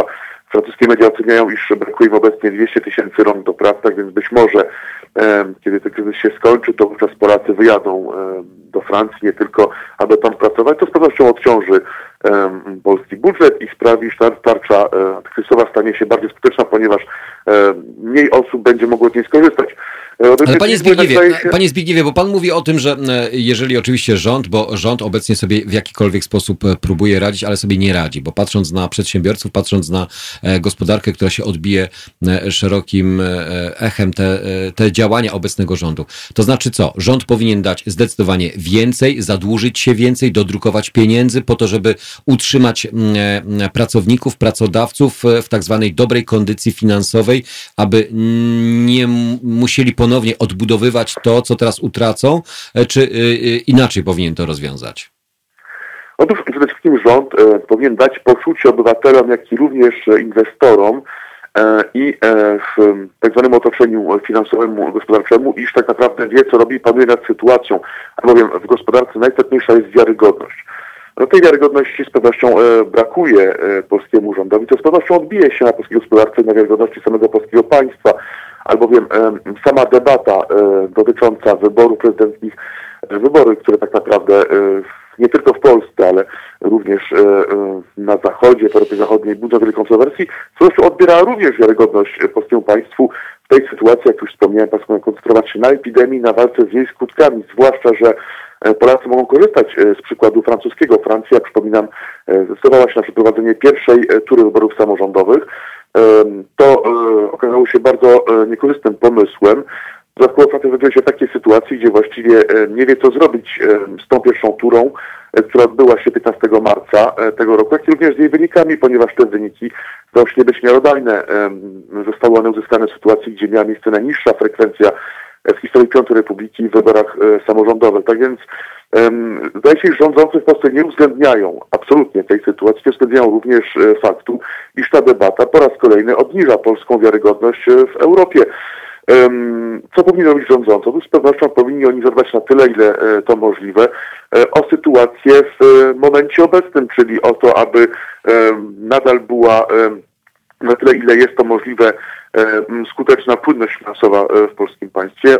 Powinien zadbać o to, aby no właśnie osoby przebywające na bezrobociu były w stanie zwyczajnie utrzymać siebie i swojej rodziny. Powinien zadbać o to, aby no właśnie osoby, które pozostają dobrowolnie w domach ze swoimi dziećmi, mogli również finansowo dać sobie radę teraz, jak i również w przyszłości, ponieważ wiadomo, iż ta epidemia potrwa w Europie co najmniej jeszcze miesiąc, dwa miesiące, być może tego nie wiemy. To wszystko są działania na dzisiaj, e, jednakże na tym etapie te działania, jak i również mało ambitne plany powodują, iż polscy obywatele zdają sobie sprawę coraz bardziej z tego, iż po raz kolejny e, będą musieli liczyć wyłącznie na siebie. E, tak było przecież w latach 90., kiedy Polacy wyjeżdżali, wyjeżdżali bardzo licznie za granicę. Tak było również w okresie 2003-2010, gdzie również Polacy wyjeżdżali za granicę E, za pracą. Z pewnością rząd zdaje sobie z tego sprawę i podobnie stanie się e, w tym momencie. Ale panie Zbigniewie, jeżeli... Po prostu tak, ale jeżeli mówimy o tak zwanym e, teście, bo to chyba jest e, taki test dla każdej władzy, dla każdego państwa, dla każdego rządu. Jak e, wyjdzie z tej sytuacji? Obronną ręką czy polegnie? No, obecny rząd w Polsce no, sprawia wrażenie, że ogarnia temat i że kontroluje daną sytuację, ale z informacji, które do nas docierają właśnie od pracodawców, od pracowników, od osób samozatrudnionych, czy osób, które tracą w danym momencie mm, pracę, no to e, raczej te mm, alternatywne rozwiązania, czy e, ta pomoc, no jest znikoma albo bardzo niewielka. Jak już wspomniałem, e, rząd nie może dać czegoś, czego nie ma albo zdecyduje się na to, iż zadłuży państwo na kwotę potężną, albo po prostu będzie liczył na to, że sytuacja rozwiąże się jakoś sama. Jeśli chodzi o kwestie polityczne, no to tutaj z pewnością te wszystkie skutki, o których mówimy, one będą bardziej odczuwalne e, i bardziej akcentowane przez obywateli e, już po zakończeniu epidemii. Teraz każdy e, zwyczajnie martwi się o swoje zdrowie życia, jak i również zdrowie życia swoich bliskich. Tak więc kwestie związane z planem pomocowym, kwestie finansowe, dla tych, którzy jeszcze są w stanie utrzymać siebie, swojej rodziny, przechodzą z pewnością na drugi plan. E, pierwszym e, z pewnością zagadnieniem to właśnie ich zdrowie. Jednak to się zmieni, ponieważ z jednej strony obywatele będą oceniali to, jak sobie rząd poradził z tą epidemią, biorąc przykład francuski, coraz więcej obywateli ocenia negatywnie działania rządu, jak również te, które mają miejsce obecnie, jak i również te, które były podjęte, też nie podjęte E, kilka tygodni, miesięcy temu, a warto mieć na uwadze, iż e, w sytuacji, e, w której znajdziemy się obecnie, jeden dzień stanowi właściwie całą wieczność, tak więc to również ma swoją rolę w tym kryzysie. Jednakże z pewnością na tą debatę przyjdzie czas w Polsce i ten czas może przyjść bardzo szybko. Wszystko zależy od tego, jakie będą realne skutki tej epidemii w Polsce. Jak już wspomniałem, moment szczytowy tej epidemii jeszcze przed Polską, jeszcze przed e, polskimi obywatelami. Tak więc rząd zdaje sobie z tego sprawę i z pewnością debata o wyborach, rozmowa o wyborach e, jest wygodniejsza e, politycznie dla rządu, który faktycznie no, finansowo zwyczajnie nie ma czego zaofiarować Polakom, przedsiębiorcom, pracobiorcom, pracodawcom w sytuacji, gdzie mm, przecież głównym celem rządzących były transfery socjalne, nie przedsiębiorczość, tylko wspomniałem, transfery socjalne. E, wówczas Polska znajdowała się w okresie prosperity. E, była to z pewnością e, wizja krótkoterminowa, ale możliwa, ponieważ faktycznie te przychody wpływały do budżetu państwa. Teraz tych przychodów będzie z pewnością o wiele mniej. Pytanie, jak poradzi sobie z tą epidemią i jej skutkami główny polski partner gospodarczy, handlowy, czyli Niemcy. E, jeśli miałoby dojść w Niemczech do e, dłuższej recesji, wówczas z pewnością e, polska gospodarka, polski biznes, polski przedsiębiorca, przedsiębiorca odczuje tą recesję bardzo boleśnie. Pytanie również, jak poradzą sobie Amerykanie z tym kryzysem. Na razie radzą sobie z tym kryzysem w minimalnym stopniu a można wręcz powiedzieć, że USA sobie z tym kryzysem po prostu nie radzi. E, to wszystko są pytania, które są przed nami. Rząd z pewnością zdaje sobie sprawę z ogromu problemu, który nadejdzie. Dopiero nadejdzie e, i e, jeszcze rząd ma chwilę, chwilę po prostu spokoju, chwilę swojego spokoju, tak więc woli koncentrować się na kwestiach politycznych. Jeśli chodzi o same wybory, no tutaj z pewnością mm, rząd zdaje sobie sprawę, iż no być może za miesiąc będzie teoretycznie możliwe mm, doprowadzenie do sytuacji, gdzie urzędujący prezydent uzyska e, reelekcję w pierwszej turze. Jednak osobiście e, jako politolog e, uważam, że wszystko to zależy od frekwencji pierwszej tury. I przypominam, przykład francuski, frekwencja w mieście Paryż sprawiła, iż właściwie sondaże nie sprawdziły się tak naprawdę. Może być podobnie w Polsce. E, trudno powiedzieć, jaka będzie ta frekwencja i jak e, masowo zmobilizują się wyborcy i e, czy i jacy wyborcy się zmobilizują.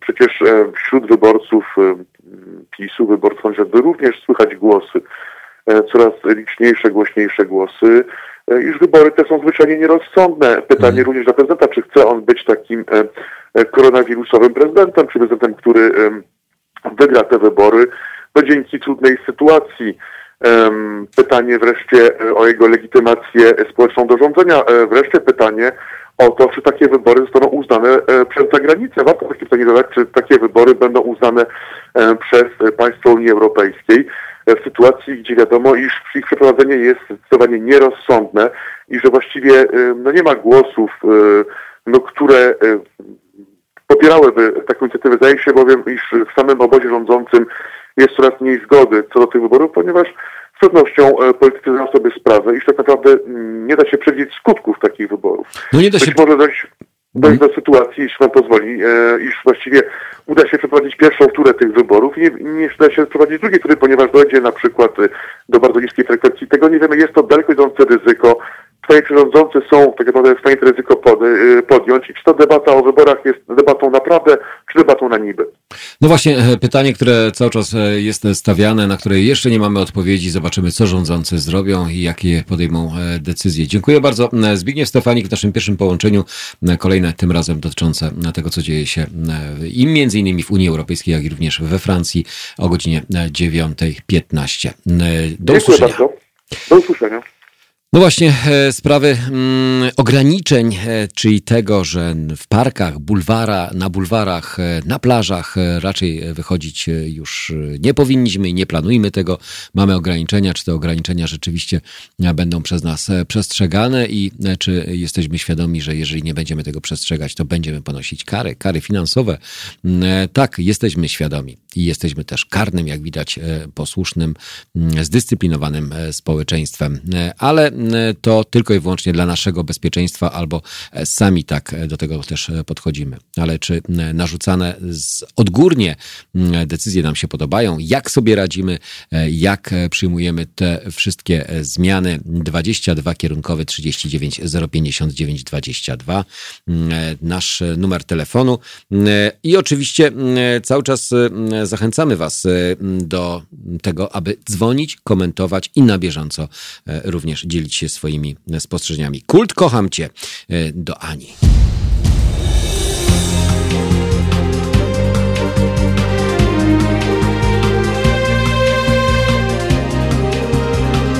Halo Radio. No i tak, tak to wygląda z perspektywy Strasburga. No właśnie, czyli Zbigniew Stefani, który nam przekazał informację o tym, jak widzi to u nas.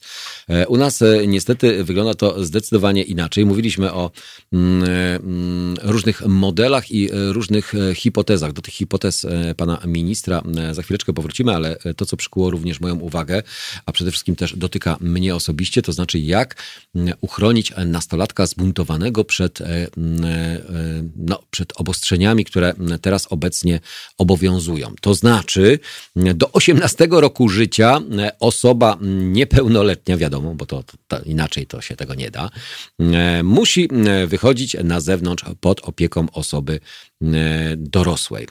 To jest, jak to według Gombrowicza mówi, strasznie upupiające.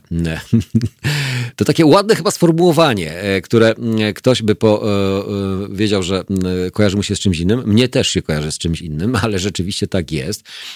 Dlaczego rząd uznał, że akurat w prawo do wolności młodzieży może uderzyć w tak drastyczny sposób. Wprowadzić, wyprowadzić psa na siku będzie można już tylko pod opieką mamusi lub tatusia. Młodzi mają wpisywać na Facebooku szukam dorosłego, który mnie odprowadzi do sklepu. No, tego typu sytuacje rzeczywiście mogą się pojawić, więc myślę, że z tym stykamy się i, ty, i wy chyba też stykacie się, jeżeli tutaj tutaj są osoby, które są poniżej 18 roku. Jak sobie z tym radzicie? Zastanawiające, dlaczego rząd uznał, że może to w tak drastyczny sposób uderzyć właśnie akurat w prawo do wolności młodzieży. Tym jednym ruchem władze Rzeczpospolitej wysyłają sygnał do wszystkich ludzi młodych. Nie możemy mieć do Was zaufania. Jesteście nieodpowiedzialni, nierozumni, nie jesteście współobywatelami i obywatelkami. Trzeba Was po prostu pilnować. No to y, gratulacje. Jak upilnować y, od 15 roku życia osoby, y, które wkraczają w dorosłość już dużymi krokami? Macie o tym wszyscy świadomość. Powiem Wam szczerze, że ja mam syna 15-letniego, który w tym roku będzie miał w listopadzie 16 lat i naprawdę jest to cholernie trudne wytłumaczyć mu, dlaczego on nie może wyjść na spacer sam no to e, jedyne, co mu pozostaje, to oczywiście, znaczy mnie osobiście pozostaje, to e, argumentacja, ale żadna do nastoletniego młodzieńca dorastającego mężczyznę nie dociera w żaden sposób, a wiecie o tym, że oni są naprawdę zbuntowani i to jest najgorszy wiek, wiek dojrzewania. No to taki siedemnastolatek, który już lada moment będzie, znaczy jest pełnoprawnym obywatelem, ale będzie w pełni praw i obowiązków, ponosił odpowiedzialność wyłącznie za siebie, ale jeszcze ten siedemnastolatek musi niestety szukać dorosłego do tego, aby móc wyjść właśnie z psem na tak zwane kolokwialne siku. Mm, e, więc y, czy to dobre, czy te obostrzenie, mm, brak zaufania do młodzieży mm, w przedziale wieku 15 a 18 jest y, skuteczny? Nie wiem, ale podporządkowujemy się. Dekret został wydany. Ja nazywam to dekretami, no bo inaczej tego nazwać już nie można. Po prostu wychodzi minister, mówi: od dziś nie robicie tego, od jutra nie robicie tego, od godziny 24 konferencja w południe, a od 24 wchodzi w życie. To już nie są potrzebne żadne regulacje, nie jest potrzebna żadna mm, ustawa, nowelizacja, przegłosowanie, debata nad tym, czy to jest zasadne, czy niezasadne. Po prostu podporządkowujemy się wszelkim decyzjom. Mm, jak to się e, mówi, e, do społeczeństwa nie warto apelować, nie warto iść albo szukać tego zdroworozsądkowego podejścia. Po prostu trzeba e, obywatelowi nakazać. Nakazać albo zakazać. Jeżeli cokolwiek się mu nakazuje, zakazuje, my buntujemy się, ale jednak wykonujemy dane polecenia. I tak też właśnie jest w przypadku młodzieży. Rząd odwołuje się do modelu idealnej rodziny, gdzie oddana mama i super odpowiedzialny ojciec pomagają e, swoim e, dzieciom. Tymczasem rzeczywistość wygląda często zupełnie, zupełnie inaczej. Ojciec bywa e, przemocowy, rodzice skonfliktowani z 16 czy 17-latkiem. W wielu rodzinach w czasie dojrzewania dzieci trwa tak zwana cisza lub głośna wojna.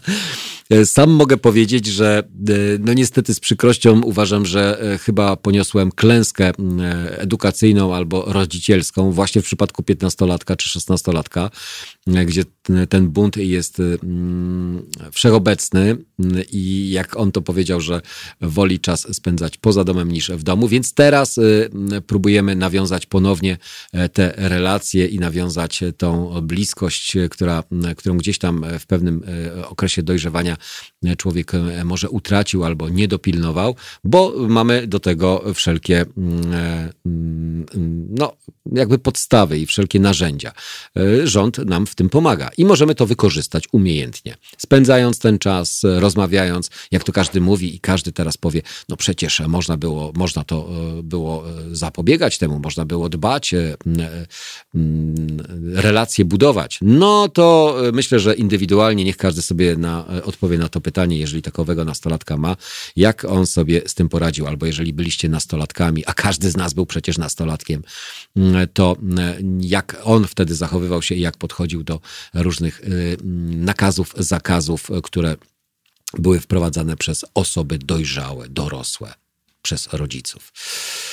No niestety, e, sytuacja e, jest taka, że e, młodzi ludzie muszą oczywiście eksperymentować z samodzielnością i to też czynią, żeby dojrzeć, nawet zaliczając tak zwane wpadki niejednokrotnie, my ponosząc za nie konsekwencje jako rodzice, opiekunowie. Teraz państwo mówi, jesteście dziećmi, mamusia i tatuś muszą się wami opiekować, kontrolować was. Czy to dobrze? Zobaczymy, e, e, ile to potrwa. E, zobaczymy, jak długo wytrzymają. Ja już dostałem informację i sygnał z, mm, od mojego syna, który powiedział, to ile to ma potrwać? Tydzień, dwa? Ja mówię, nie wiem, nie wiem, nie wiem. To wszystko zależy od tego, jak epidemia będzie się u nas rozwijała. A jego podejście na zasadzie, to przecież mnie nie dotyczy, to ja się nie zarażę, ja nie przyniosę, przecież myję ręce. No to nie jest tylko i wyłącznie taka odpowiedź, która powinna mm, być z jego strony komunikowana wszem i wobec. Ale widać, y, my dorośli inaczej do tego podchodzimy, nastolatkowie inaczej, więc y, rząd wymyślił sobie i rząd y, mm, ograniczył możliwość wychodzenia ludzi młodych do 18 roku życia bez osób mm, dojrzałych, bez osób, nazwijmy to, pełnoletnich. W wielu krajach restrykcje są przedłużane, poza tym już minął prawie tydzień, gdy trzeba siedzieć niemal non-stop z rodzicami mm, w mieszkaniu, często małym, w ścisku, w wielu domach na pewno narasta napięcie, nawet w rodzinach, które względnie dobrze się komunikują, musi dochodzić do wielu konfliktów, choćby tak banalnych jak walka o to, kto ma mieć dostęp do laptopów czy telewizora, zwłaszcza gdy młody człowiek ma lekcje online. No już z tymi lekcjami to już w ogóle jest groteska. Znaczy, może nie groteska, ale dostępność, rzetelność, wiarygodność, ocenianie tego wszystkiego, w jaki sposób wykonywane są te e, zadania i mm, to, że musimy poświęcać czas e, na e, to, aby dopilnować, żeby dana nasza pociecha mogła rzeczywiście rzetelnie wykonać daną pracę. W szkole mieliśmy, znaczy wysyłając dzieci do szkoły, mieliśmy ten problem, nie powiem, że z głowy, ale mieliśmy poczucie, że osoby kompetentne e, będą pilnowały i dopilnują, aby ten rozwój edukacyjny był prawidłowy. Teraz jesteśmy skazani sami na siebie. Czasem dla młodych ludzi jedynym wyjściem jest właśnie wyjście z domu na krótki spacer, żeby przerwać tak zwaną awanturę. Tutaj, e, teraz e, te napięcia wzrosną, a młodzi się strasznie wkurzą albo już są wkurzeni, bo niczego bardziej się nie boją, niczego bardziej nie znoszą jak poczucia zamknięcia, izolacji, możliwości braku kontaktu ze swoimi rówieśnikami. Dla dorastającego nastolatka, dojrzewającego nastolatka, kontakt z osobą, z rówieśnikiem jest zdecydowanie ważniejszy czasami niż z osobą, która dbała o jego dojrzewanie. Więc tutaj rzeczywiście e, sytuacja może być dość ciekawa i e, sam bacznie przyglądam się e, reakcjom i zachowaniom moich synów, bo mam dwóch. No, z jednym mam mniejszy kłopot, z drugim nieco większy kłopot. No, ale to tak indywidualnie.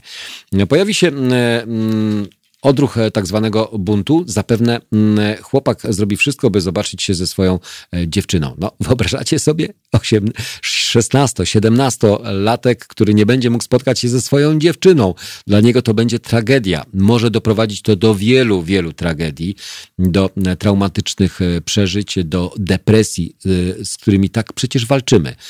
Specjaliści, psychologowie, osoby mające mm, wszech mm,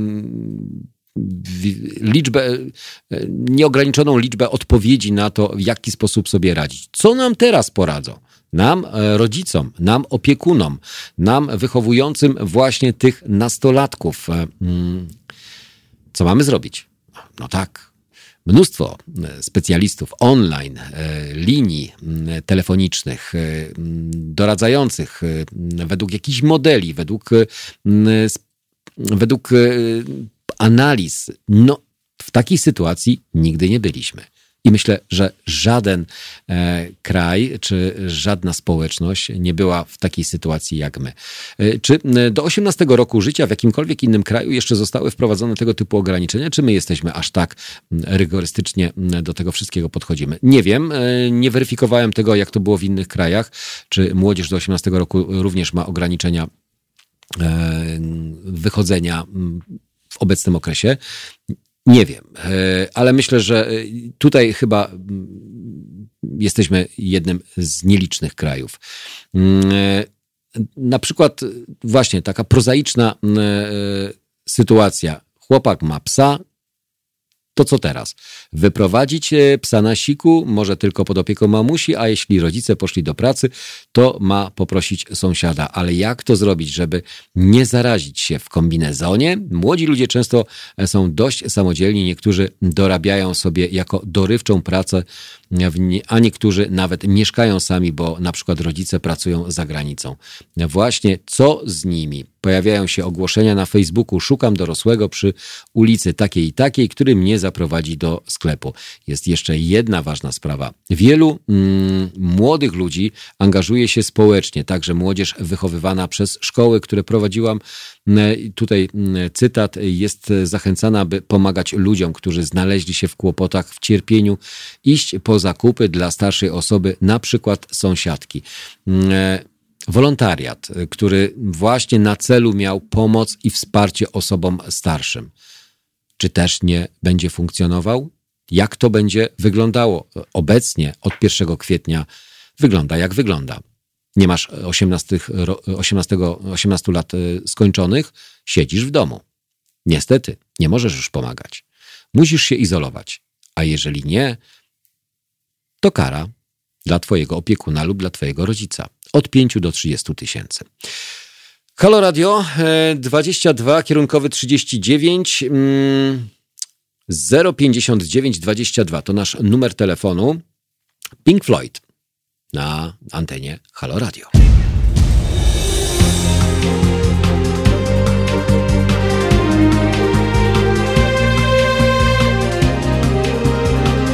Halo Radio.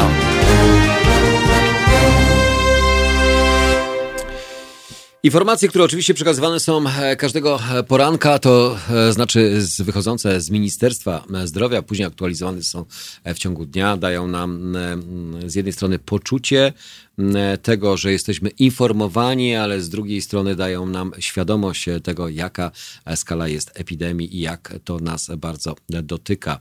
E, podało, że ministerstwo podało, że potwierdzone zakażenia koronawirusem u 2554 e, osób, 43 pacjentów zmarło. Cały czas rośnie liczba zarażonych oraz ofiar wirusa na świecie. Epidemia zaczęła się w Chinach, ale przybywa pacjentów w innych regionach. E, w sumie liczba zakażonych koronawirusem E, aktualizacja e, z 1 e, kwietnia 2554. Teraz zapewne po poranku będzie ich zdecydowanie więcej. Mm, ogólna liczba zakażonych koronawirusem wzrosła wczoraj o 243 mm, nowe przypadki potwierdzone pozytywnym wynikiem testów laboratoryjnych. Mm, śmierć kolejnych osób zakażonych 83-letni mężczyzna ze szpitala w Warszawie, 68-letni mężczyzna ze szpitala w Tychach. Obaj mieli współistniejące choroby. To jest to hasło, które cały czas się pojawia odnośnie tego, że e, jakby nie główna przyczyna to koronawirus, ale e, choroby, które są współistniejące. Koronawirus osłabia nasz organizm, doprowadzając właśnie między innymi do śmierci. E, wczoraj e, wieczorem również ministerstwo podało, że kolejnych 7 osób, wczoraj mieliśmy największą liczbę osób śmiertelnych, to było 10 osób. Na świecie do tej pory zanotowano 8, prawie już e, teraz rano widziałem informację, już mamy ponad 900 e, tysięcy, prawie milion osób zarażonych, e, zarażenie przypadkami koronawirusa SARS-CoV-2 i ponad 40 5 tysięcy osób zmarło w wyniku infekcji z choroby wyleczono. Tutaj właśnie sformułowanie wyleczono dla mnie jest trochę absurdalne, mm, bo nie ma lekarstwa, bo jeżeli byłoby lekarstwo, to przecież można byłoby z niego skorzystać, więc nie wyleczono, ale samo uzdrowieni lub uzdrowieni mm, pewnymi mm, e, nazwijmy to półśrodkami, e, to e, prawie 200 e, tysięcy. Ja już nie mówię o liczbach dokładnych, 178 na wczoraj 356 to prawie 200 tysięcy pacjentów, które uchroniło się przed śmiercią z powodu koronawirusa lub powikłań związanych właśnie z koronawirusem. Mamy telefon. O, proszę bardzo. Kolejna do nas osoba, nasz słuchacz który słucha nas za pomocą czy to internetu, aplikacji, a może e, właśnie YouTube'a, bo przecież tam też można nas oglądać i tam też można nas słuchać. Halo, halo. Panie Jacku, to jeszcze raz ja, Mariusz. Cześć Mariusz.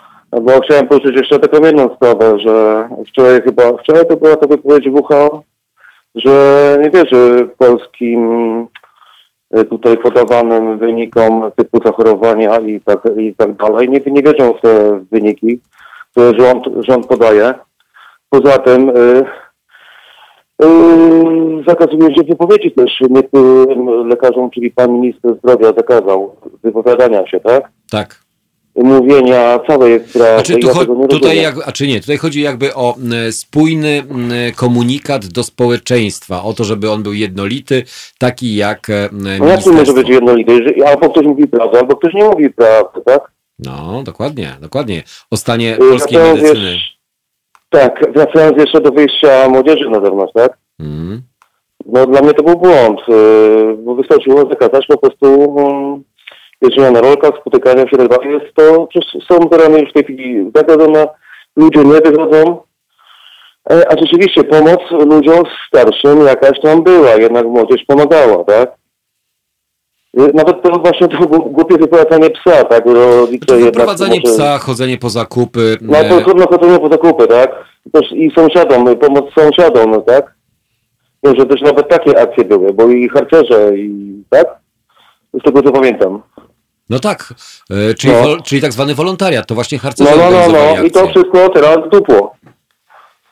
No to może teraz bym, może by tak zabrać panu Jarkowi teraz tam ochronę i tak dalej. Jego wypuścić na zakupy, może by ten brzuszek spadł. Ale uważasz, że tego typu e, obostrzenia, ograniczenia, one będą e, skuteczne albo będą e, ponosić konsekwencje te osoby, które będą łamać? Czy to pomoże, czy wręcz przeciwnie, będzie tak zwana reakcja buntu, czyli Nie, przypuszczam, przypuszczam, że reakcji buntu nie będzie, bo chodząc po ulicach nie widzę młodzieży. Znaczy nie chodzę za dużo, chodzę tylko na zakupy mhm. niezbędne i siedzę w domu też, tak? Chociaż to też mi trochę doskwiera, bo nie mógł się też ze znajomymi spotkać. No ale cóż, no. Po prostu tak, tak musi być. No. Znaczy na razie szukamy alternatyw, szukamy rozwiązań. Na, jeżeli mamy dostęp do internetu, jeżeli korzystamy z różnego rodzaju no, ja wiem, narzędzi. Że internet, tak, tak, tak, tak. Pozwala nam, pozwala nam na y, jakoś radzenie sobie. Tylko to jest wszystko no ja do pewnego momentu. na YouTubie. Ja akurat was oglądam na YouTubie, także to, że tej muzyki nie ma, to nie ma problemu, bo ja i tak y, ponad 90% y, z tego, co tam puszczacie, to znam na pamięć sobie sam nucę, bo zostałem wychowany jeszcze na y, stacjach typu trójka, dwójka i tak dalej, pan Marek Wiernik i tak dalej. Mi, mi, Minimax do starych cza, czasów jeszcze tak, a ja po ogóle się dużo interesuję muzyką, dużo mam płyt w domu, y, bo, bo poza tym w YouTube jest w tej chwili tyle muzyki, YouTube wrzucił tyle koncertów w całości, czy jest co oglądać, jest co słuchać. Czyli, e, czyli tu akurat pod względem muzycznym myślę, że e, i artyści e, jakoś, może nie powiem, że sobie radzą, ale dalej realizują to, co mają w głowach i to, co potrafią robić. Ja czyli... przypuszczam, że to było też chyba pozwolenie od tych wszystkich kapel, które się zgodziły na wrzucanie całych koncertów na YouTube'a, mm. bo to naprawdę cała wierchuszka, można powiedzieć. Metalika, nie metalika i tak dalej, tak? I to pozwala na, pozwala nam na. Tak, no te, te, te, koncerty nawet teraz y, mamy zapowiedź y, również polskich artystów, którzy y, 4 kwietnia bodajże będą e, organizować właśnie taki koncert, e, który będzie za pośrednictwem czy to mediów e, ogólnodostępnych, czy też mediów internetowych, gdzie tych koncertów mamy coraz więcej, więc jest możliwość poszerzenia albo uzupełnienia swojej wiedzy muzycznej albo połechtania, nazwijmy to, swoich kubków, zmysłów, aby tą z tą muzyką się, e, tą współczesną, nazwijmy, zapoznać, e, a czasami nawet odświeżyć e, to, co znamy no, doskonale. No, ja, ja akurat z tym nie mam problemu, mówię, bo dostępność na YouTube jest na maksa. Są to koncerty w tej chwili, załóżmy z tego roku, bo to są sprzed roku czy dwóch lat, ale ktoś na to wyraził zgodę, żeby to się układało na, na YouTubie, tak? No to więc tutaj e, korzystanie z internetu to jest jedno, ale jednak ten e, e, osobisty kontakt, czy ten dla nastolatka, bo tutaj mówimy o tych nastolatkach przede wszystkim, tak? Między 15 a 18 a 17 rokiem życia, to chyba jest bardzo będzie trudny okres i bardzo trudny czas, aby podporządkować się zasadom, które zostały wprowadzone od 1 kwietnia. No tak, ale tu były jakieś jaja w Polsce niedawno, nie wiem, było chyba dwa tygodnie temu, czy trzy tygodnie temu. Łydka Grubasa, taki zespół polski, chyba dobrze wymawiam nazwę, oni byli chyba u Owsiaka na Poland Rock. Yy, wpadła policja, oni sobie tam grali w jakimś teatrze, czyli nie było w ogóle publiczności chyba z tego co wiem i zakazali im koncertu. No i proszę. No można? Można. No. Nie nie słyszał pan, y, pan o tym. Była nawet rozmowa o tym w Halo Radio. Tylko nie mówię, gdzieś to było 2-3 tygodnie temu, no. Mhm. I to było na, na żywca puszczone właśnie w internet. I mówię, wjechała policja i zakazali. Czyli zlokalizowali ich. Tak. No ale przecież nie, nie wiem, nie? bez sensu dla mnie to było. No, niestety czasami e, mm, zastanawiamy się, albo czasami próbujemy zrozumieć, e, czym się kierują poszczególne, e, poszczególni przedstawiciele władzy, więc no rzeczywiście, no. No, no jak pan Jarek nie wie, co się dzieje wokół niego, bo tam są tak zwani podpowiadacze mm. z boku, którzy go nie informują o wszystkim jak zwykle, czyli ten cały jego zakon tak zwany, tak? A, abstrahując, pan y, Ryzyk przecież y, też ostatnio płakał, że nie ma za to żyć, tak? No tak, że, I że za chwileczkę upadnie telewizja i radio, tak. Bo, bo umrą z głodu. Słyszał pan to? Tak, tak, słyszałem. I... Ja to się zdenerwowałem okropnie. No. Ja myślę, że nie absolutnie ani nie wspierasz, ani nie mm, e, e, no, raczej. popierasz, e, więc myślę, że nas to nie dotyczy, ale jakby bezczelność... Tak, ale to jest obowiązujące. Tu są pieniądze potrzebne na coś innego, a nie na kościół. I zresztą Tutaj było coś o, o zwiększeniu na święta na po 50 osób, tak? Tak, że zwiększenie ma być y, decyzja rządu odnośnie świąt Wielkiej y, Nocy, A, czyli no, jak no, mamy spędzać y, te święta i co Kościół w tej sprawie może uczynić Powinien być może całkowity zrobić. zakaz według mnie, to jak wasy to zrobili, weszli i aresztowali Batmanów. No właśnie, no. no. Weszła policja, zaresztowała towarzystwo. Niech teraz online, niech online prowadzą teraz... E, może być online, już w telewizji są msze, ktoś teraz może sobie oglądać, tak? No tak. Ktoś tak koniecznie musi e, iść do kościoła, żeby przyjąć mszę jeszcze? Ja myślę, że to chodzi bardziej o to, żeby e, ewentualnie wspomóc... A tu jeszcze, przepraszam, opłatek? Ewentualnie wspomóc Kościół wspomóc jak to pan instytucje. Mówi, pan, pan Wojtek, jak to pan Wojtek mówi, białe do ust? No. O, można? Ale tutaj też jest, ale jeszcze tutaj e, pozostaje teraz, że e, panowie nie mogą mieć teraz styczności z młodzieżą, no i co tu teraz zrobić? Nie mają rozrywki teraz, no. Oby tego było ja, jak... czekam, ja jeszcze czekam na te nowe filmy pana Sekielskiego, bo miał, miał się pokazać pod koniec marca, a pewnie nic z tego nie wyjdzie, bo na pewno nic z tego nie, nie, nie wyjdzie, bo nic nie słyszę w tej chwili, bo miało coś być pod koniec marca, druga część niby, tak? Tak, miała być pod koniec marca i nie wiadomo dlaczego nie została opublikowana. Nawet był już termin. Nie, e, nie. No właśnie. Nawet pan Sekielski nie wspomina nic, bo tam oglądam jego też na YouTubie program, który on prowadzi. On nawet nie wspomina nic w tej chwili. Mm. Nie wiem, zostało chyba to zablokowane, mi się wydaje jakoś. Albo on sam zablokował na razie, żeby może sobie odpuścił, nie wiem. Nie, nie, nie. No znaczy ja myślę, że to by trzeba było sprawdzić, zweryfikować. Powiem Ci szczerze, że jakby ten temat mi też gdzieś umknął, bo było głośno w pewnym momencie, a było, później było. nagle okazało się, że. E, nie, no słyszałem zapowiedzi pana Sekreskiego, który zapowiedział, że pod koniec. Tak, tak, tak, tak, dokładnie. Mamy już kwiecień. No. Miała być premiera i to też właśnie. No miała być. Miała być. Y, nie wiem, ale chętnie też to sprawdzę i zweryfikuję, co się stało, że nagle jakby ten temat y, nie jest e, motywem przewodnim, czy y, nie, no nie jest rozprzestrzeniany w sieci. E, może właśnie z powodu koronawirusa. Może też tak jak z Jamesem nie Bondem. Wiem, nie wiem, nie wiem. Będzie przeniesiony na jesień. Myśl, myśli pan, że pan Sekielski sobie odpuścił po prostu? Nie, myślę, że nie. Myślę, że absolutnie nie. No ja też myślę, że nie. No dobra, dobra. to nie przeszkadzam, tylko tak na chwileczkę. Dzięki, pozdrawiam. E, uh-huh. Również e, 3 miliony szczepionek tygodniowo od czerwca. E, taka e, informacja zaskakująca, zapowiedź koncernu, uwaga, jakiego? Tytoniowego. O tym e, już za chwilę na antenie mm, Halo Radio. A teraz e, mm, Red Hot Chili Peppers.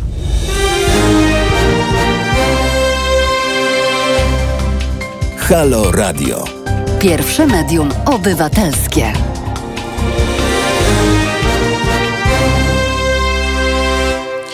Pierwsze medium obywatelskie, Halo Radio. Wracamy do Was do godziny 10. Już za chwilę łączymy się ponownie z naszym korespondentem Zbigniewem Stefanikiem, który mm, o doniesieniach tych na skalę już e, europejsko-światową. A skoro mówimy o doniesieniach, to również informacja i odpowiedź e, na nasze pytanie i Mariusza, który mówi, co z filmem Sekielskiego. Hanna napisała, hej, film Sekielskiego będzie miał premierę później ze względu na obecną sytuację. Nie chcą na ten moment e, wprowadzać dodatkowych negatywnych emocji w społeczeństwie, to nie czas na podziały. Taka była decyzja braci Sekielskich i bohaterów filmu. Mówił o tym sam Sekielski. No więc uzupełniamy, dopełniamy e, informację dotyczącą e, braku e, premierowego filmu, który rzeczywiście mógłby jeszcze bardziej mm, mm, napędzić negatywną atmosferę, która i tak już jest wokół Kościoła katolickiego. 3 miliony szczepionek tytoniu od czerwca. Zaskakująca zapowiedź koncernu tytoniowego. British American Tobacco ogłosiło, że wspólnie z Kentucky Bioprocessing, amerykańską biotechnologiczną spółką zależną, pracuje nad szczepionką przeciw COVID-19. To już kolejna firma, która stara się opracować szczepionkę. Zdaniem British American Tobacco moce pozwolą na produkcję od czerwca pierwszych mm, Y, milionów y, dawek szczepionki tytoniowe, tytoniowo. e, szczepionki tyto, tygodniowo. Ja mówię tytoniowo, o Jezus, tygodniowo. Nad szczepionką przeciw e, COVID-19 pracuje British American Tobacco i jej spółka zależna. Ich rozwiązanie bazuje na technologii opartej o szybko rosnące rośliny tytoniu. Obecnie trwają testy e, przedkliniczne. Kentucky Bioprocessing działa na zasadach komercyjnych, ale intencją firmy jest, by całość mm, prac wokół tworzenia szczepionki przeciw mm, COVID-19 odbywała się na na zasadach pro bono. Firma zakłada, mm, że szczepionka pozwoli uzyskać efektywną odpowiedź immunologiczną już po podaniu jednej dawki. Firma e, sklonowała ostatnio fragment sekwencji genetycznej COVID-19, co pozwoliło na wytworzenie potencjalnego antygenu, substancji, która wywołuje odpowiedź immunologiczną organizmu, a w szczególności produkcję przeciwciał. Antygen ten został następnie wprowadzony do rośliny tytoniowej w celach reprodukcji, a potem, kiedy rośliny zostały zebrane, został on oczyszczony i obecnie poddany jest testom przedklinicznym. Czytamy w komunikacie firmy. British American Tobacco szuka w tej chwili możliwości współpracy z agendami rządowymi, aby jak najszybciej przeprowadzić badania kliniczne. British American Tobacco wierzy, że dzięki e, wsparciu rządowym i pozostałych producentów będzie można wyprodukować między jednym a trzech, trzema milionami dawek szczepionki tygodniowo. Ile w tym e, rzeczywistego, mm, e, rzeczywistej prawdy? Pewno dużo, ale e, na takie oficjalne komunikaty i na znalezienie lekarstwa, antidotum, szczepionki czekamy na komunikaty z Światowej Organizacji Zdrowia, WHO, które ostatnio podało, że zbliżamy się do miliona osób zarażonych. Łączymy się z naszym korespondentem Zbigniewem Stefanikiem. Witam panie Zbigniewie ponownie. Tym razem doniesienia. Organizacja, Światowa Organizacja Zdrowia podała informację już, e, że zbliżamy się do miliona osób zarażonych e, koronawirusem. E, ta, te liczby są z jednej strony przerażające, z drugiej strony cały czas przypominam sobie dane i statystyki dotyczące różnego rodzaju gryp, pochodnych gryp i powikłań dotyczących gryp, gdzie rocznie zarażonych jest około miliarda, a 650 mm, tysięcy ludzi y, umiera y, właśnie na y, tą chorobę.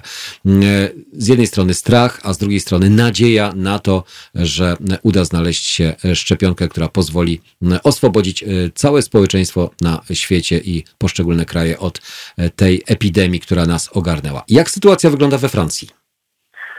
Otóż Francja obecnie zajmuje trzecie miejsce w Europie pod względem liczby zmarłych w związku z powikłaniami spowodowanymi COVID-19. Mogę Państwu podać um, liczby na godzinę 20 e, wczoraj, ponieważ tutaj co um, 4 godziny od 20 są podawane e, kolejne uaktualnione liczby. E, wczoraj na godzinę 20 nad Sekwaną odnotowano potwierdzonych przypadków zarażeń COVID-19 56 989, z czego zostało hospitalizowanych 24 639 osób. E, w tym 6 tysięcy, 6017 osób znajdowało się w stanie e, ciężkim. E, to jest 639 więcej niż dobę wcześniej, przy czym zmarło 432, 4032 osoby, czyli 432 osoby, to jest o 509 więcej niż dobę wcześniej. Tak więc faktycznie nad Sekwaną trwa batalia z COVID-19, jednakże faktycznie ta batalia jest zróżnicowana co do regionów, e, gdzie się e, ta batalia sytuuje, ponieważ e, sytuacja najtrudniejsza nadal panuje we wschodniej Francji, w tym głównie w dwóch departamentach alzaskich z miastami Strasburgiem. Tam jest sytuacja najtrudniejsza, podkreślam. Przy czym obecnie już od kilku dni wojsko francuskie pomaga logistycznie w służbie zdrowia cywilnej jak również są ewakuowani pacjenci e, w głąb Francji i e, do szpitali niemieckich. E, drugi region, gdzie sytuacja jest również poważna, to region paryski.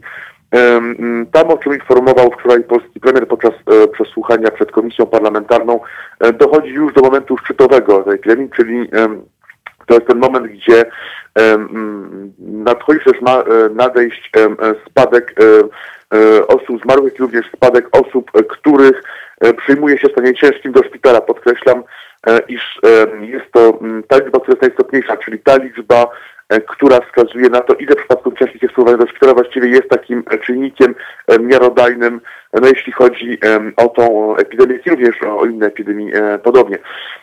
Również na Korsyce sytuacja jest trudna, coraz trudniejsza. Tutaj również wsparcia udzielają okręty marynarki wojennej francuskiej. E, te okręty ewakuują pacjentów, jak również dostarczają leki. Tak więc nadsekwana batalia trwa, jak i również rozpoczyna się debata i rozliczenia, e, ponieważ Francuzi e, mm, za pomocą swoich polityków, ale również coraz częściej na blogach, forach internetowych stawiają pytanie. Otóż Francja no, jest tym państwem europejskim, gdzie właściwie obywatele płacą niemal naj, najwięcej za służbę zdrowia. E, dla porównania służba zdrowia kosztuje przeciętnego obywatela e, o 30% mniej w Danii na przykład, niżeli we Francji. E, podobnie jest w Niemczech. Tak więc się pytają, że skoro takie fundusze są przekazywane służbie zdrowia też państw służby zdrowia, to jak wytłumaczyć fakt, iż nad Sekwaną zabrakło podczas tej epidemii masek, łóżek reanimacyjnych, i obecnie okazuje się, iż również zaczyna brakować poszczególnych leków, które są E, niezbędne do e, walki z e, skutkami COVID-19. Tak Ale o czym to świadczy? O czym to świadczy, panie Zbigniewie? O tym, że żadne z państw nie jest przygotowane na tego typu epidemię? Otóż, jeśli chodzi o Francję, to warto tutaj mieć na, uwadze kontekst. We Francji potrzebujemy bardzo wiele, aby przygotować się przeciwko epidemii na początku XXI wieku. Za prezydentury Jacques'a Chiraca. Wówczas, jak pamiętamy, E, e, panowała ptasia grypa, następnie e, doszło do świńskiej grypy i do perspektywy epidemii tych dwóch zaraz. Tak więc Watykano podjęto duży wysiłek finansowy, w tym kupiono maski. W roku 2010 Francja przydała około 2 miliardów masek.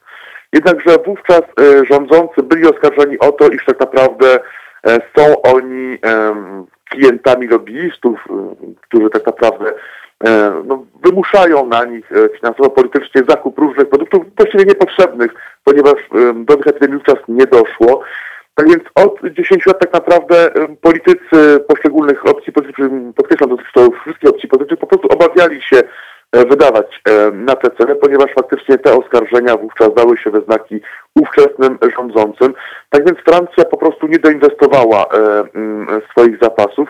To daje się obecnie we znaki. Kolejna kwestia to warto mieć na uwadze, iż obecnie no nie tylko um, francuz, francuski, ale też niemiecki, nie, polski również, tak naprawdę um, możliwości um, Europy, jeśli chodzi o leki, środki e, ochrony bezpieczeństwa, to wszystko jest przecież produkowane w Azji.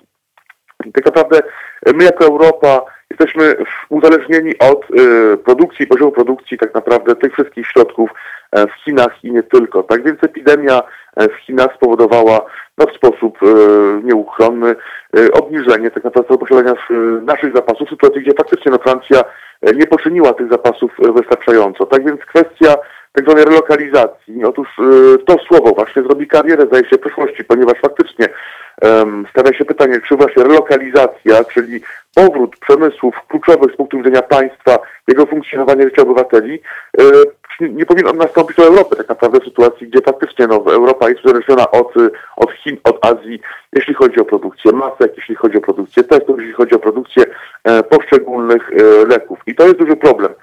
E, tak więc podobnie Francja, e, Niemcy, Polska. Jak również trwa tak naprawdę wyścig e, o zakup masek. Otóż francuskie media donoszą o bardzo przykrym dla Francji wydarzeniu, które miało miejsce kilkanaście godzin temu. Otóż zdaje się, iż Francja poczyniła zamówienie w Chinach, jeśli chodzi o zakup masek i właściwie została tak naprawdę e, podkupiona. Otóż e, e, Stany Zjednoczone, amerykańscy przedstawiciele zapłacili kilkukrotnie więcej za tą partię wyrokowaną dla Francji. Tak naprawdę udało się im tą partię uzyskać. Francja tej partii nie uzyskała, chociaż faktycznie zamówiła tą partię masek. Tak więc zdaje się, iż na rynku walki o życie i zdrowie obowiązuje zasada kto bogatszy, ten lepszy, co tak naprawdę nad Sekwaną szokuje. Szokuje to media, szokuje to polityków, szokuje to wreszcie francuskich obywateli, którzy, jak już wspomniałem, mają poczucie, e, iż e, płacą oni daleko idącą daninę, jeśli chodzi o no właśnie nakłady na służbę zdrowia i podatki, wszelkiego rodzaju podatki na sekwaną, a mamy do czynienia z sytuacją, gdzie faktycznie służba zdrowia nie radzi sobie, ponieważ zdaje się, iż faktycznie te, te zapasy zostały uzupełnione, nie wzięto tych zapasów pod uwagę podczas budżetu 2020. Tak więc ta debata się rozpoczyna i warto mieć na uwadze, że ta debata również dotrze do Polski, ponieważ jak już wspomniałem, e, jeśli chodzi o ewolucję tej epidemii, to ta ewolucja tak naprawdę jest bardzo schematyczna i Polska jest e, na etapie, e, na którym była Francja trzy tygodnie temu, tak więc można spodziewać się również debaty dotyczącej zapasów, dotyczącej służby zdrowia, jej realnych możliwości. Również w Polsce już za tygodni kilka z pewnością e, obywatele będą stawiali pytanie, czy rządzący naprawdę nie mogli przewidzieć e, tej epidemii. Otóż pan premier e, Morawiecki stwierdził, o ile się nie mylę, proszę powiedzieć, jeśli się mylę, że nie można się ubezpieczyć od koronawirusa, podobnie jak od asteroidy. Jednakże o ile faktycznie nie można było przewidzieć en bloc tej epidemii, to można było już w grudniu, w styczniu poczynić pewne przygotowania, E, poczynić pewne zakupy, przez pewne zamówienia. E, no właśnie, e, to jest obecnie obiektem rozmów, debaty nad Sekwaną, czy Francja zrobiła wystarczająco, będąc świadoma już w styczniu, iż epidemia jest niemal nieuchronna, czy Francja zrobiła wystarczająco, aby właśnie zapobiec tej sytuacji, która obecnie panuje. Ta debata z pewnością trafi do Polski i Polacy będą mogli wziąć w niej udział. Jednakże faktycznie na tym etapie E, Europa myśli już e, nad e, zakończeniem kwarantanny. I tutaj zdaje się, iż Francja, o ile na tyle, ile potrafi, radzi sobie logistycznie z leczeniem objawów, kiedy to możliwe COVID-19, o tyle Francja, no niestety nie jest tutaj dobrym uczniem ani mistrzem prewencji. A z pewnością to właśnie prewencja będzie tym elementem, który doprowadzi do złamania tzw. Tak łańcuchów przekazowych wirusa. Otóż E, eksperci uważają, iż sekwaną obecnie e, wirus propaguje się bardzo szybko e, w domach starców, w szpitalach, w aresztach, innych zakładach karnych i to należy zwalczyć, należy to powstrzymać. Tak więc tutaj testing będzie z pewnością no, tym środkiem, który tak naprawdę będzie w stanie zapobiec kolejnej propagacji tej epidemii. Tutaj bazując się na przykładach, na przykład choćby Singapuru, Tajwanu czy Hongkongu, E, przez Korei Południowej zdaje się faktycznie, że to e, testing e, tutaj wiele wniósł pod względem walki z epidemią, jak i również być może tracing. Otóż pewna tutaj kontrowersyjna państwa właśnie przy wykorzystaniu danych od operatorów telefonów komórkowych namierzają i śledzą położenie no właśnie pacjentów zarażonych, czy osób zarażonych COVID-19. Być może również takie rozwiązanie przyjdzie do nas, do Europy, tak zwany testing i tak zwany tracing. Jednakże faktycznie eksperci nad sekwaną zauważają, iż nie można tutaj przyjąć metody zakończenia kwarantanny en bloc, czyli nie może być tak, że po prostu że wyjdzie, wszyscy wyjdą z domu e, i że życie wróci tak naprawdę do normy jednego dnia, ponieważ to jest najkrótszą drogą do rozpętania kolejnej epidemii. Tak więc tutaj jest pytanie, jaka będzie metoda. E, czy faktycznie e, metoda kończenia kwarantanny będzie polegała na tak zwanych transzach wiekowych, czyli tutaj osoby w poszczególnych transzach wiekowych będą wypuszczane w cudzysłowie oczywiście z domu, ale mm. będą, będzie kończyła się ich kwarantanna, czy też właśnie bardziej um, system regionalizacji. Otóż zdaje się, iż ten drugi system jest bardziej prawdopodobny, ponieważ faktycznie epidemia nad sekwaną nie dotyka w tym samym stopniu poszczególnych regionów. Pod, pod, pod jeszcze na wschodzie Francji jest sytuacja bardzo trudna, natomiast na przykład na zachodzie Francji, na południu Francji sytuacja jest na tym etapie łatwiejsza, tak więc być może te regiony, gdzie sytuacja jest trudna, gdzie nadal trwa e, walka, główna walka z COVID-19, tak naprawdę e, utrzyma kwarantannę w, być może nawet jeszcze w maju. Tego my nie wiemy, jednakże z pewnością e, nie można oczekiwać takiej sytuacji, w której to pewnego dnia, tak zwanego D-Day, wszyscy wyjdą z domu i wszystko wróci do normy. Z pewnością walka z będzie trwała nad sekwaną. Tutaj już pojawiają się informacje, iż być może dzieci tak naprawdę, czy też młodzież nie wróci do szkół przed wrześniem tego roku. E, Ministerstwo Edukacji Narodowej e, nad Sekwaną podaje termin 4 maja, jednakże to eksperci wskazują, iż termin ten e, jest coraz mniej prawdopodobny. A co z egzaminami, co z egzaminami dla klas kończących pewien próg edukacyjny albo tych, którzy rozpoczynają, czyli tak zwana rekrutacja do wrześniowych roczników? Otóż rekrutacja e, trwa głównie na uniwersytety e, e, w ramach tzw. Tak platformy Parcoursup. Otóż rok temu Francja zreformowała swój system rekrutacyjny na uniwersytety i teraz zajmuje się tym taka specjalna platforma, która na podstawie no właśnie stopni, jak i również innych parametrów definiuje liczbę miejsc, jak i również definiuje kierunki, gdzie są przyjmowane poszczególne osoby. Jednakże faktycznie to proces jest zakłócone, ponieważ na tym etapie od miesiąca francuskie e, dzieciątko młodzież nie chodzi do szkół.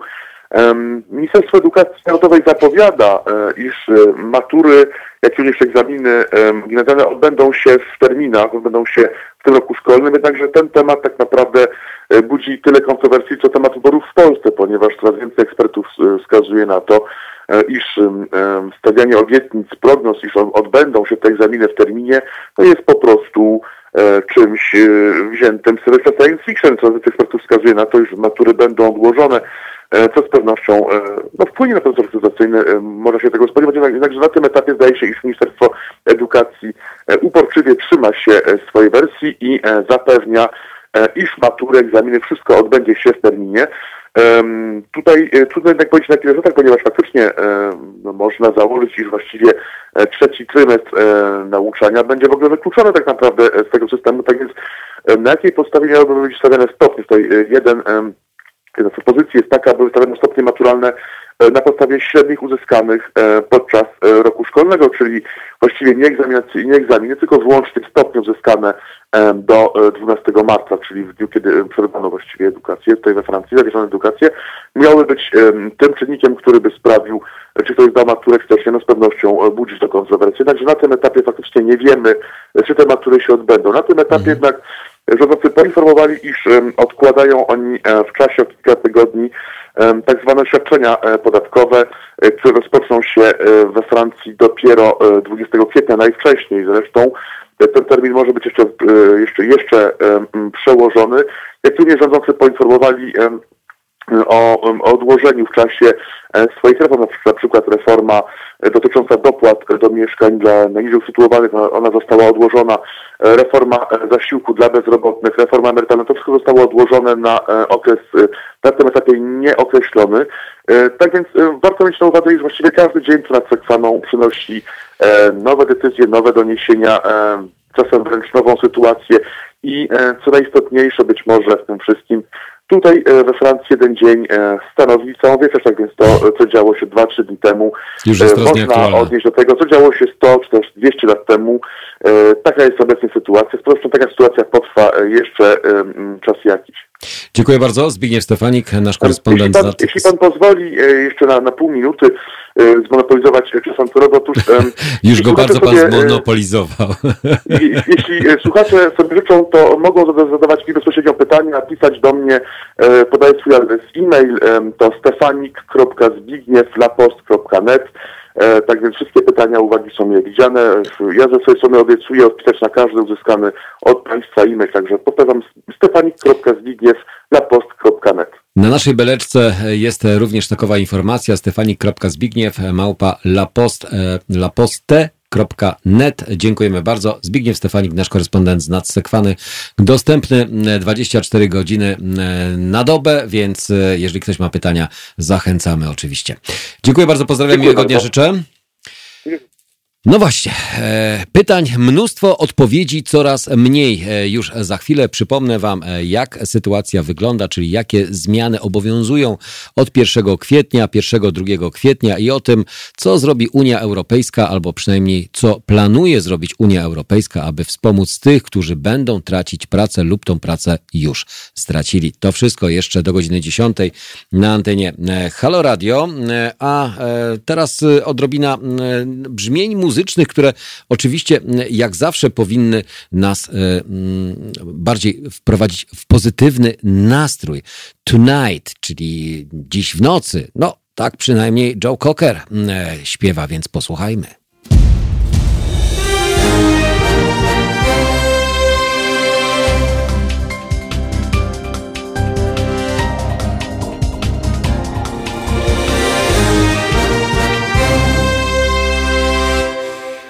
Kwestiach e, przypomnienia jeszcze raz, e, czyli to, co najważniejsze, nadajemy do e, dziś poranek do godziny 10, ale nadajemy cały czas, więc jesteśmy online, dostępni 24 godziny na okrągło. Myślę, że warto też przypomnieć o tym, że to tylko dzięki Wam funkcjonujemy i dzięki Wam możecie nas słuchać, możecie czatować równocześnie i dzwonić i pisać. Również możecie wysłać do nas maile teraz małpahalo.radio, jak i również dzwonić 22 30 39 059 22 i wspierać nas e, cały czas, e, bo e, każde wsparcie służy tylko i wyłącznie temu, abyśmy mogli wspólnie razem funkcjonować. No właśnie, a z tym funkcjonowaniem to jest nieco trudniej. Warto chyba jak mantra przynajmniej powtarzać tym, którzy może nie są jeszcze świadomi, że obudziliśmy się w innej rzeczywistości. Zmiana miesiąca to nie tylko pod koniec marca była zmiana czasu, ale teraz zmiana funkcjonowania nas, w, tej, e, w tym wszystkim, co się dzieje wokół nas. Sklepy i punkty usługowe, trzy osoby na kasę lub stanowisko do płacenia. Jeśli w sklepie jest 10 kas, to zakupy będzie mogła robić e, tylko 30-osobowa grupa jednocześnie. W urzędach pocztowych limit ten ograniczony jest do dwóch osób na jedno okienko. Na bazarach i targowiskach obowiązuje ograniczenie do trzech osób na jedno stoisko. W weekendy wielkopowierzchniowe sklepy budowlane będą zamknięte. Od dziś e, wszyscy klienci muszą robić zakupy w jednorazowych rękawiczkach. W godzinach od 10 do 12 sklepy i punkty usługowe mogą przyjmować i obsługiwać jedynie osoby powyżej 65 roku życia. W pozostałych godzinach sklepy i lokale usługowe są dostępne dla wszystkich, w tym również dla osób powyżej 65 roku mm, życia. Zamknięte hotele i punkty usługowe, hotele hotele i inne miejsca noclegowe działające na zasadzie wynajmu krótkoterminowego zostają zamknięte. Mogą one funkcjonować tylko i wyłącznie wtedy, gdy przebywają w nich osoby w kwarantannie lub izolacji, a także gdy przebywa w nich personel medyczny. Ważne, goście, którzy przebywają w tych obiektach w momencie wejścia w życie nowych przepisów, muszą się wykwaterować do czwartku, czyli do dziś, 2 kwietnia Nie dotyczy to jednak osób, które są w delegacji i korzystają z usług noclegowych w ramach wykonywania obowiązków służbowych. Dla tych osób hotele pozostają otwarte. Zamknięte zostaną wszystkie punkty kosmetyczno-usługowe, fryzjerskie i gabinety tatuażu. Zawieszone jest wykonywanie zabiegów rehabilitacyjnych i masaży, zarówno w placówkach publicznych, jak i prywatnych. Wyjątkiem są sytuacje, w których rehabilitacja jest bezwzględnie wymagana stanem zdrowia pacjenta. Jakie mamy jeszcze inne ograniczenia? Kwarantanna dla bliskich osób, które są objęte kwarantanną. Zakaz wychodzenia z domu osób do 18 roku życia bez opieki dorosłego. Zakaz korzystania z parków, plaż, bulwarów, promenad i rowerów miejskich. Minimalna odległość między pieszymi to 2 metry. Wyłączeni z tego obowiązku będą rodzice z dziećmi wymagającymi opieki do 13 roku życia, a także osoby niepełnosprawne lub nie mogące się samodzielnie poruszać i ich opiekunowie. Limit pasażerów również u prywatnych przewoźników i transporcie niepublicznym. Dodatkowe zabezpieczenia dla pracowników pracodawcy będą musieli zapewnić dodatkowe środki bezpieczeństwa swoim pracownikom. Stanowiska pracy poszczególnych osób muszą być oddalone od siebie o co najmniej półtora metra. Pracownicy mają obowiązek używania rękawiczek, a także mieć dostęp do płynów dezynfekujących. Ważne, pracodawca musi zapewnić te środki bezpieczeństwa już dziś, czyli do dziś, od wczoraj, od przedwczoraj, kiedy informacja zapadła, dziś ona e, już obowiązuje. Te wszystkie liczne ograniczenia dostępne są chyba na wszystkich stronach e, internetowych, jak i również na stronach ministerstw, więc jeżeli chcecie dokładnie zapoznać się albo zaznajomić się jeszcze z szczegółami, gov.pl ukośnik koronawirus. Tam na zasadzie plansz obrazkowych, również e, wszystko jeszcze raz, jeżeli komukolwiek cokolwiek wypadło z głowy lub e, nie wie, jak z tym postępować. Zapewne mnóstwo pytań się też e, będzie pojawiało, ale jakby wydane polecenia obowiązują już w 100% i do tego przewidziane są wszystkie służby, które mają wspierać i egzekwować konsekwencje. Tomek napisał, e, po tych informacjach pozostaje zgasić światło. No tak, takie to e, właśnie smutne, że zgasić światło. Ja mówię, to nie stan wojenny, ale kiedyś ktoś e, właśnie też w ten sposób zakomunikował społeczeństwu o tym, że właśnie wprowadzono stan wojenny. U nas ograniczenia praw obywatelskich, ograniczenia swobód obywatelskich, a nie wprowadzony stan wyjątkowy. No proszę, tak można, można. Stan epidemii to nie stan wyjątkowy według obecnie rządzących. A to dlatego, że wtedy inaczej funkcjonowałoby państwo, inaczej moglibyśmy dochodzić swoich praw albo szkód poniesionych właśnie w wyniku stanu wyjątkowego. Więc dlatego też e, wszystko robią, aby tylko i wyłącznie go nie wprowadzić. A gdyby e, został wprowadzony stan wyjątkowy, stan klęski żywiołowej, e, stan również pandemii, epidemii, który jest, no i mamy ograniczenia. Okazuje się, że gdyby y, został wprowadzony, to też te wybory po prostu już byłyby y, tematem y, passe, a nie jeszcze żyjącym i funkcjonującym. No, niestety mm, tak sobie to wszystko poukładali i tak sobie to wszystko zorganizowali, że tak to wygląda. Co na to wszystko Unia Europejska albo e, co planuje Unia Europejska? Bo przecież tracimy pracę, tracimy możliwości, tracimy, mm, e, tracimy mm, możliwości y, funkcjonowania. Waldemar e, napisze, nie wprowadzą stanu wyjątkowego, bo pani profesor e, mm, Gersdorf zgodnie z konstytucją musiałaby zostać na swoim stanowisku. No tak, tak, tak, tak. Panią prezes też chcą wymienić, przecież kończy się jej teraz kadencja, więc jak najszybciej chcą zrobić, bo gdzie będą kierować e, wszelkie skargi do Sądu Najwyższego, a trzeba mieć e, w Sądzie Najwyższym też osobę, która jest przecież bardziej przychylna obecnej władzy, a nie punktuje i wylicza popełniane błędy. Jeszcze jeden wątek, który poruszę, to znaczy taki, było dużo smutnych rzeczy, czyli tych informacji, które przekazywane są przez poszczególnych polityków, jak i również przez media. No niestety będziemy Wam przypominać na ten temat, ale za to teraz dobra wiadomość. Przewodnicząca Komisji Europejskiej e, Ursula von der Leyen zapowiedziała mm, wczoraj e, przedstawienie inicjatywy mającej zapobiegać zwalnianiu pracowników przez firmy, które są zmuszone do przestoju w związku z pandemią koronawirusa. Mm, e, nasze codzienne życie zmieniło się dramatycznie. Miliony ludzi nie mogą iść do pracy, ale nadal muszą kupować artykuły spożywcze i płacić rachunki. Firmy wypłacają wynagrodzenie swoim pracownikom, nawet jeśli w tej chwili nie zarabiają pieniędzy.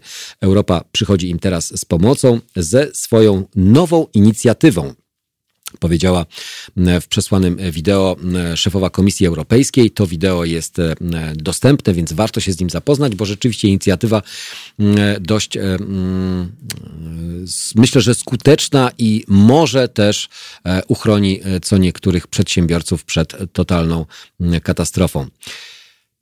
Inicjatywa, która została nazwana SURE od angielskiego słowa pewny, ma obejmować krótkoterminową pracę wspieraną przez państwo. Komisja nie przedstawia na razie jej szczegółów, zwłaszcza tego, z jakich źródeł miałby być finansowany ten pomysł, ale z wypowiedzi von der Leyen wynika, że mieliby z niej skorzystać pracownicy z Włoch i Hiszpanii, a także innych dotkniętych pandemią mm, COVID-19 krajów Unii Europejskiej. Mam nadzieję, że nas też biorą pod uwagę.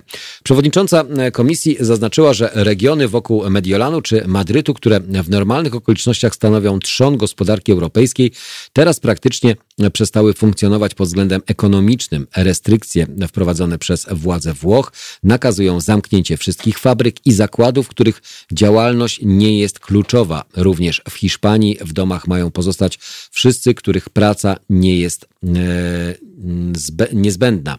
Tysiące silnych i zdrowych firm walczą z powodu obecnego kryzysu, potrzebują naszego wsparcia, aby go przetrwać. Dlatego pracowaliśmy koncepcję pracy krótkoterminowej. Ma ona na celu pomóc Włochom, Hiszpanii i wszystkim innym krajom, które zostały mocno dotknięte pandemią stanie się dzięki solidarności innych państw członkowskich, powiedziała mm, von der Leyen. Jak zaznaczyła, rozwiązania mm, mają opierać się na tych wprowadzonych po kryzysie finansowym w 2008 roku. Państwa członkowskie, w których funkcjonowały tego typu środki, pomagały ludziom utrzymać pracę, a firmom przetrwać kryzys wraz z ich pracownikami. Koszt wynagrodzenia w części był pokrywany z budżetu, a nie ze środków przedsiębiorstwa. Na razie nie wiadomo, jak miałoby to wyglądać w koncepcji Komisji Europejskiej, ale von der Leyen wskazuje na gwarancje ze strony wszystkich państw członkowskich. Pomysł jest prosty. Jeśli nie ma zamówień, a firmy nie mają co robić z powodu chwilowego szoku zewnętrznego, takiego jak koronawirus, nie powinny zwalniać swoich pracowników. Nadal ich zatrudniają, nawet jeśli mają mniej pracy. W wolnym czasie pracownicy mogą uczyć się na przykład nowych umiejętności, które przyniosą korzyści zarówno firmie, jak i im samym. Takie sztuczne utrzymywanie zatrudnienia ma ratować nie tylko budżety domowe, zatrudnienie, ale też europejską gospodarkę przed głęboką recesją. Von der Leyen zaznaczyła, że powrót pracowników do pracy zaraz po zniesieniu restrykcji przez poszczególne kraje będzie miał kluczowe znaczenie dla uruchomienia silnika europejskiej gospodarki po blokadzie. Andrzej Stołp napisał, Unia Europejska mogłaby podjąć skuteczniejsze działania, ale potrzebna jest dalsza federalizacja dająca podstawę do wspólnego działania. Niestety u nas zbawca narodu marzy o wschodnim modelu państwa. Federalizacja, zjednoczenie, ujednolicenie mm, mm, prawa, e, respektowanie prawa, a tak samo wspólna waluta mogłaby być dla nas korzystniejsza, ale niestety nie udało się tego zrobić ani poprzednikom, ani wszelkie zapowiedzi dotyczące tego, aby waluta była jednolita, e, różnie są e, odbierane przez społeczeństwo. Jedni są za, drudzy są przeciwko, a nam zamiast coraz bliżej do Unii Europejskiej i do tego, abyśmy mogli większymi, nazwijmy to, garściami czerpać, ale zarazem też ponosić konsekwencje, bo wiadomo, kij ma zawsze dwie strony. Jeżeli dzieje się dobrze, to na tym korzystają wszyscy, ale jeżeli się dzieje źle, to też możemy ponieść z tego powodu konsekwencje. Więc to nie ma tak, że są idealne rozwiązania, ale myślę, że po to jesteśmy w Unii Europejskiej i po to dążymy do tej wspólnoty i poszerzania tej wspólnoty, aby ona funkcjonowała jako jeden organizm, a nie jako, a jako e, niezależne ciała, które wtedy, kiedy jest kryzys, to wyciągają rękę do Unii Europejskiej. A jak e, nie ma kryzysu i e, Unia Europejska od nas czegoś wymaga lub oczekuje, to wtedy ona nie jest wcale taka dobra i taka e, miła i dobrze oceniana, przynajmniej przez niektóre środowiska polityczne. Więc to, w jaki sposób rządy postępują, to taki później efekt osiągają. Czy załapiemy się na kolejne wsparcia i kolejne pomoce ze strony Unii Europejskiej, tak jak otrzymaliśmy teraz mm, możliwość e, wspierania właśnie mm, czy to gospodarczego, czy e, e, opieki medycznej mm, jako beneficjent, chyba jeden z największych beneficjentów tego wsparcia, około 7 miliardów, które mają pomóc wesprzeć naszą gospodarkę, nie tylko, ale również służbę medyczną tego nie wiemy, ale mam nadzieję, że ten sure, czyli pewny, e, będzie e, również obowiązywał nas i nas też dotyczy. E, zamiast rzeczywiście siedzieć i się martwić, to powinniśmy rozwijać się i przede wszystkim powinniśmy dbać o to, jak później wyjść po tym kryzysie suchą ręką, suchą nogą i pójść do przodu. Dziękuję Wam bardzo za dzisiejsze spotkanie i dziękuję Wam dzisiaj za dzisiejszy poranek.